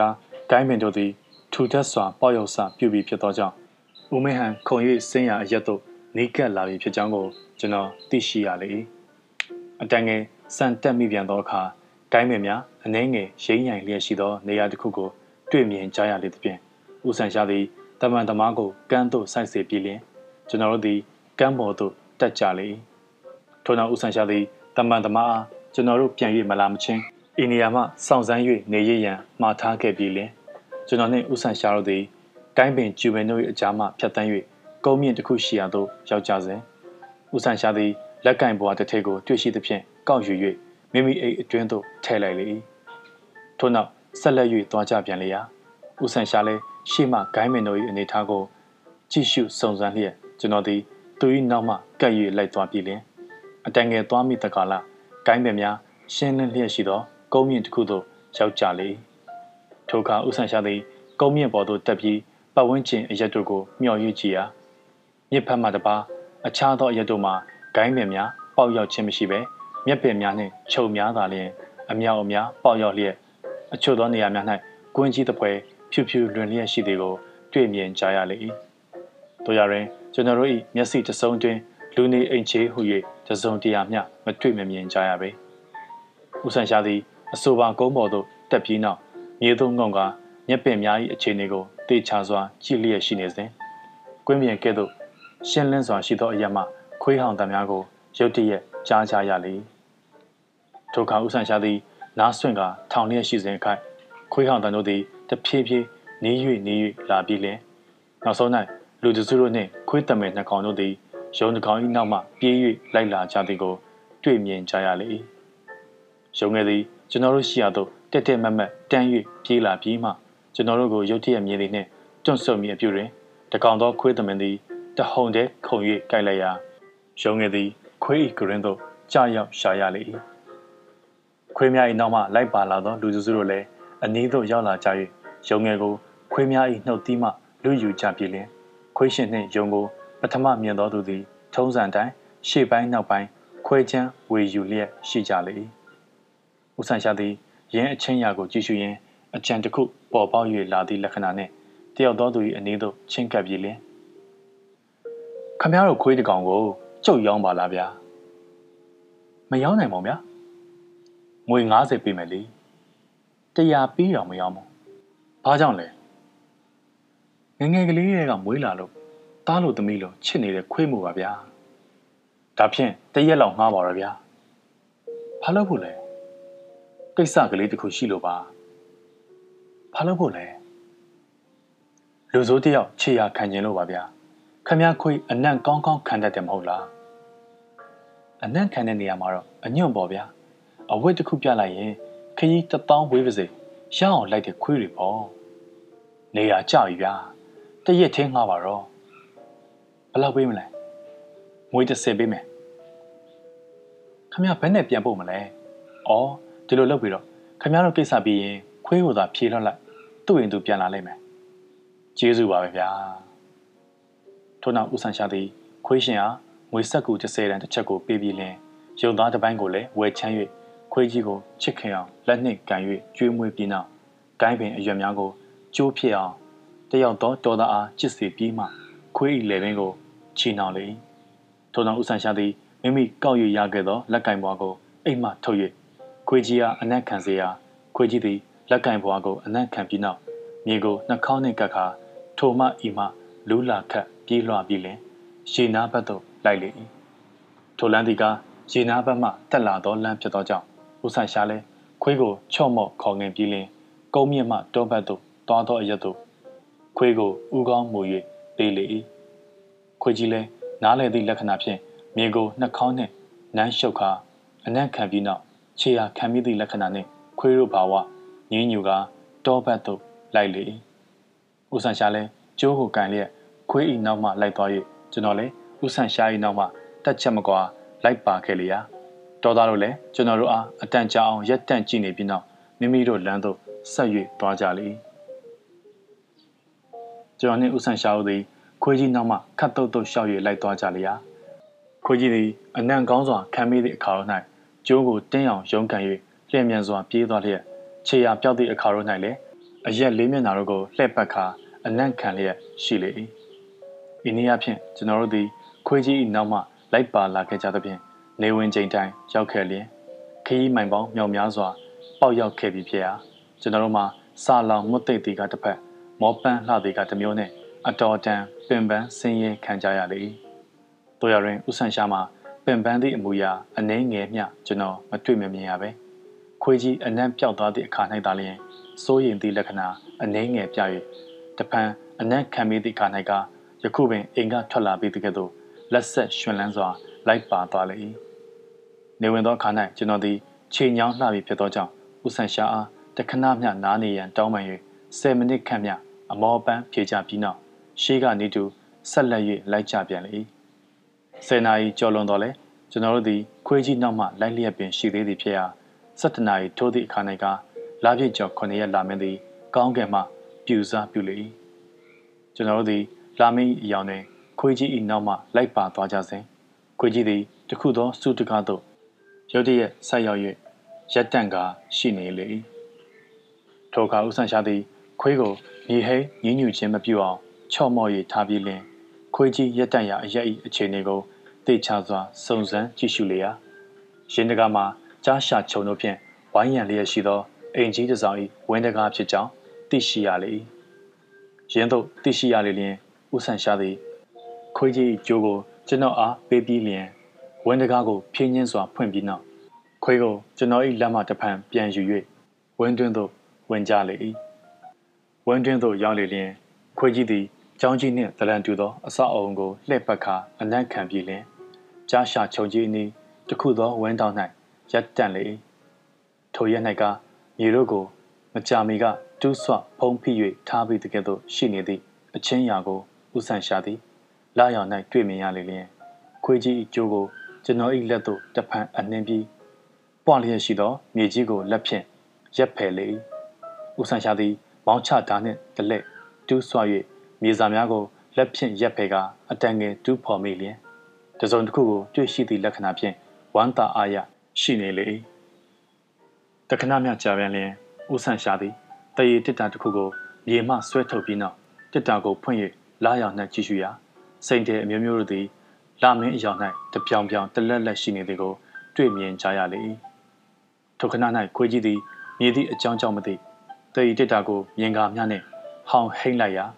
ကျွန်တော်တို့သည်အိမ်ပေါ်မှလူများစကားပြောဆိုတံကိုကြားကြရလေ၏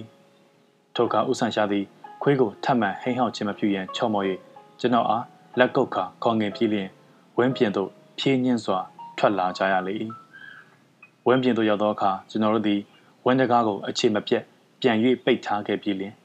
တစောင်းမှချောင်းမြောင်းကြည့်ရှုလျက်ရှိကြလေရာအင်းရှိတကားသည်ရုတ်တရက်ပွင့်လာပြီးလက်နှိပ်တံပြီးနှစ်ပွင့်တို့သည်အရက်လေးမျက်နှာတို့သို့ထိုးလျက်ရှိလေ၏ထိုအခါကျွန်တော်တို့သည်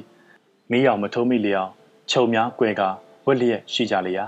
အိမ်ပေါ်မှကြည့်ရှုသူတို့လည်းတစုံတရာမျှမတွေ့မမြင်သည်နှင့်စိတ်ကြည်နေသည့်ဟန်ဖြင့်အိမ်တကားကိုတပံပြန်၍ပိတ်ပြီးနောက်တအိမ်လုံး စိတ်ငြိမ်စွာ ရှိနေကြပြန်လေသည်ထို့နောက်ကျွန်တော်တို့သည်ပုံအောင်နေရာအရက်မှထွက်ခွာလာပြီးနောက်ပစ္စည်းကိုပြန်ရွေ့ရသည်မှန်တော်လဲတနေ့လုံးအစာနှင့်မတွေ့ရဘဲရှိသည့်ပြင်မြည်သည့်အရက်၌အိပ်ရမည်ကိုမသိသေးဘဲတင့်လျော်ရာအရက်ကိုရွေးချယ်ကြည့်ရှုလျက်ရှိနေကြစဉ်ဝေးလံသောအရက်မှမိခွက်ကလေးများနှေးမိန်စွာတောက်လောင်လျက်ရှိသည်ကိုတွေ့မြင်ကြရလေ၏ထိုအခါဦးဆန်ရှားကရှေ့ကမင်းမြင်တာရွာနဲ့တူတယ်ပြို ကိုသိမ်းမောင်ဘယ်နဲ့သဘောရတယ်လဲတော်ရဲမှာပဲအိမ်မလားရွာများတွေ့လို့တွေ့ညာမင်းမြင်ရကိုပဲသွားမလားစားလိုက်တာလဲသေးလို့ပြီဗျထမင်းကလေးများတောင်းရလို့ရညာသွားလိုက်ကြအောင်ဆိုလားဗျာထို့နောက်ကျွန်တော်တို့ဒီခရီးပန်းလာသည်မှန်တော့လဲအစာရေစာတွေ့လို့ရင်းနဲ့အောင်အေးကဆက်လက်၍ရှောက်သွားကြပြန်ရာနှစ်မိုင်ခန့်မြရှောက်မိကြလျင်ရွာတရွာသို့ဆိုက်ရောက်ကြလေ၏ ရွာသူရွာသားတို့မှာများသောအားဖြင့်အိပ်ပျော်လျက်ရှိကြလေရာကျွန်တော်တို့သည်တကြီးအိမ်ကိုမင်းမြန်းသွားရောက်၍တကြီးအားနှုတ်ပြလျင်အကျိုးအကြောင်းကိုထိုက်သည့်အားလျော်စွာ ပြောဆိုကြလေ၏ရွာတကြီးလည်းစင်ရဲနွမ်းပါရှာသူတယောက်ဖြစ်၍ထမင်းများကိုချက်စေပြီးလျင်မြစ်ပြုတ်နှင့်ငပီတောင်းကိုဟင်းအမှတ်နှင့်တေခင်းကျွေးမွေးရှာသည်ဖြစ်ရာကျွန်တော်တို့မှာအလွန်တရာစာလောင်မသိမ့်လှသည်ဖြစ်သောကြောင့်ဟိုတယ်မှအစားအစာမျှမကထူးကဲတာလွန်သောအနံ့ရတာနှင့်ပြည့်စုံလှသည်ဟု အောင်းမေလျက်မိန်ရှက်စွာစားတောက်ကြလေ၏ထမင်းစားတောက်၍ပြေးကြလျင်ဥဆန်ရှားလဲထိုအရဲ့၏အကြောင်းများကိုရွာတကြီးထံမှ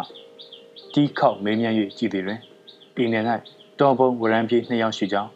ရင်းတို့ကိုဖမ်းဆီးရမိအောင်တရင်ပေးနိုင်သူအားစုငွေ900ထုတ်ပေးမည်ဟုအစိုးရကထုတ်ပြန်ကြေညာ၍ထားကြောင်းကျွန်တော်တို့တွေ့မြင်ခဲ့ကြသောအိမ်ကြီးမှာလူနေသောအိမ်မဟုတ်တောရကြောင်ဖြစ်ကြောင်းရင်းကြောင်၌ကြောင်ထိုင်ပုဂ္ဂိုလ်၃ပါးမျှ ပြန်လွန်တော်မူပြီးနောက်ဆက်လက်၍ကြောင်ထိုင်ဝင်သည့်ပုဂ္ဂိုလ်မရှိသဖြင့်ကြောင်ကြီးသာလျှင်ထီထီရှိနေကြောင်းနွားကြောင်သားတို့သည်တခါတည်းရန်နွားပြောက်၍ကြောင်ဤသို့တွားရောက်ရှာကြသည့်အခါကြောင်ပေါ်မှဒုံဒုံတင်းတင်းနှင့်ခြောက်လှန့်၍လွတ်လိုက်သည်များကိုကြားရဖို့ကြောင်းယခုခါ၌မူမြေသူတဦးတယောက်မျှကြောင်းဤသို့တွားဝင်သူမရှိကြောင်းနှင့်ပြောဆိုသဖြင့်ကြားသိရလေ၏ထိုအခါဦးဆန်ရှာကရွာတကြီးအားငွေတထောင်မြကို အလွယ်တကူနှင့်ရလိုပါသလားဟုမေးမြန်းရာရလိုကြောင်းနှင့်ပြန်ပြောသည်တွင်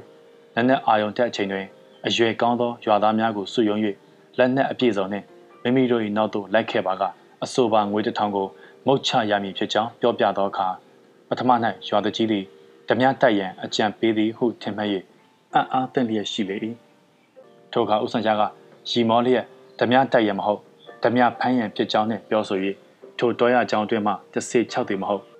တော်ပုံဓမြများပုံအောင်ခိုလုံလျက်ရှိကြောင်းပြောဆိုပြီးလင်တကြီးအားတိုက်တွန်းအားပေးသည်တွင်ရွာတကြီးလည်းဦးဆန်ရှား၏အကြံကိုလိုက်နာရန်သဘောတူညီလေ၏ကျွန်တော်တို့သည်တခဏမျှအိတ်ဆက်နားနေကြပြီးလျင်အာယုံတက်သည်နှင့်တပြိုင်နက်ကျွန်တော်တို့နှစ်ယောက်နှင့်ရွာသားရောတကြီးပါလူ20ခန့်တို့သည်တောရကျောင်းသို့တွားရောက်၍ကြားရှာချုံများကိုအပြင်မှဝိုင်းရန်လျက်ရှိကြလေ၏မိုးလင်းသည်နှင့်တပြိုင်နက်လူတယောက်သည်အိမ်ပေါ်မှတိတ်တိတ်ဆိတ်ဆင်းလာ၍ဝင်းတောင်းသို့သွားရာ ကျွန်တော်တို့တူးဖော်ယူငင်ထားသောခြေရလက်ရများကိုမြင်သည်နှင့်တပြိုင်နက်အလွန်မင်းအအားသင့်သည့်လက္ခဏာနှင့်ရက်တန်ကနေလေ၏ထိုအခါဥဆန်ရှာသည်ရီမောလိုက်လေရာဦးမင်းဟန်သည်စိတ်မှန်ထွက်သည့်လက္ခဏာနှင့်အတန်ကြားရာအရက်သို့လှည့်၍ကြည့်လိုက်သည်တွင်တကြီးထံမှဥဆန်ရှာငှားရန်ထားသောခါကျိုးလေသနှက်တလက်၏ပြောင်းဝကိုမြင်သည်နှင့်ရမြဲတိုင်းရက်နေလေ၏ဥဆန်ရှာကဒီတခါတော့မလွတ်ဘူးဆရာကြီးရေဟေးမလှုပ်နဲ့လေ ပြစ်လိုက်မယ်နော်အညာပေးလိမ့်မယ်မထင်နဲ့ဟုတ်ပြောသဖြင့်ဦးမင်းဟန်သည်ပြေးမြေပြုတ်ပြီးမှရက်တန့်လျက်ရှိလေ၏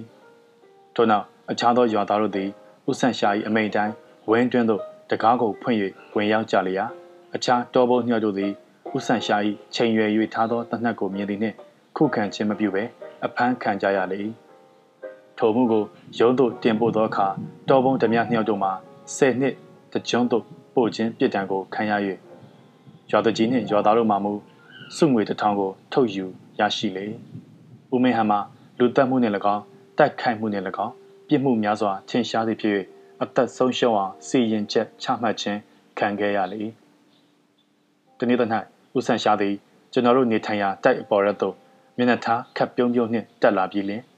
စက်ကူရွက်ငယ်တစ်ခုကိုကျွန်တော်၏လက်တွင်းသို့ထည့်လျာကျွန်တော်သည်စာရွက်ကိုဖြည့်၍ကြည့်သည်တွင် ကျွန်တော်၏နာမည်နှင့်ငွေ2500ရန်ချက်လက်မှတ်တစ်ခုဖြစ်ကြောင်းသိရသဖြင့်အံ့ဩလျက်ရှိစဉ်ဦးဆန်ရှာကစိန်ကုန်တဲ့ကြီးစီကလေမေ့နေပြီလားဒီတခါတော့ခမားလဲတဝက်တိတိစိုင်ပေတဗျာယူသားယူပါကိုသိမ့်မောင်ပေးနိုင်တဲ့အခါပေးစမ်းပါရစေ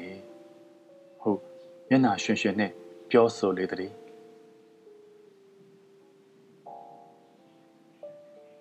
ရွှေဦးတော်ရှေးမကားရွာလူသက်မှု ကြည်ပါပြီဤဝတ္ထုကို1955ခုနှစ်ဖေဖော်ဝါရီလထုတ်ရှုမောမဂ္ဂဇင်းအမှတ်63မြန်မာပြည်မူအတွဲလေးနှင့်နှလုံးလှမူအတွဲနှစ်တို့တွင်ဖော်ပြခဲ့သည်ကျွန်တော်ရောနေစနေမှာအလုံးကျေးဇူးတင်ပါတယ်ဗျ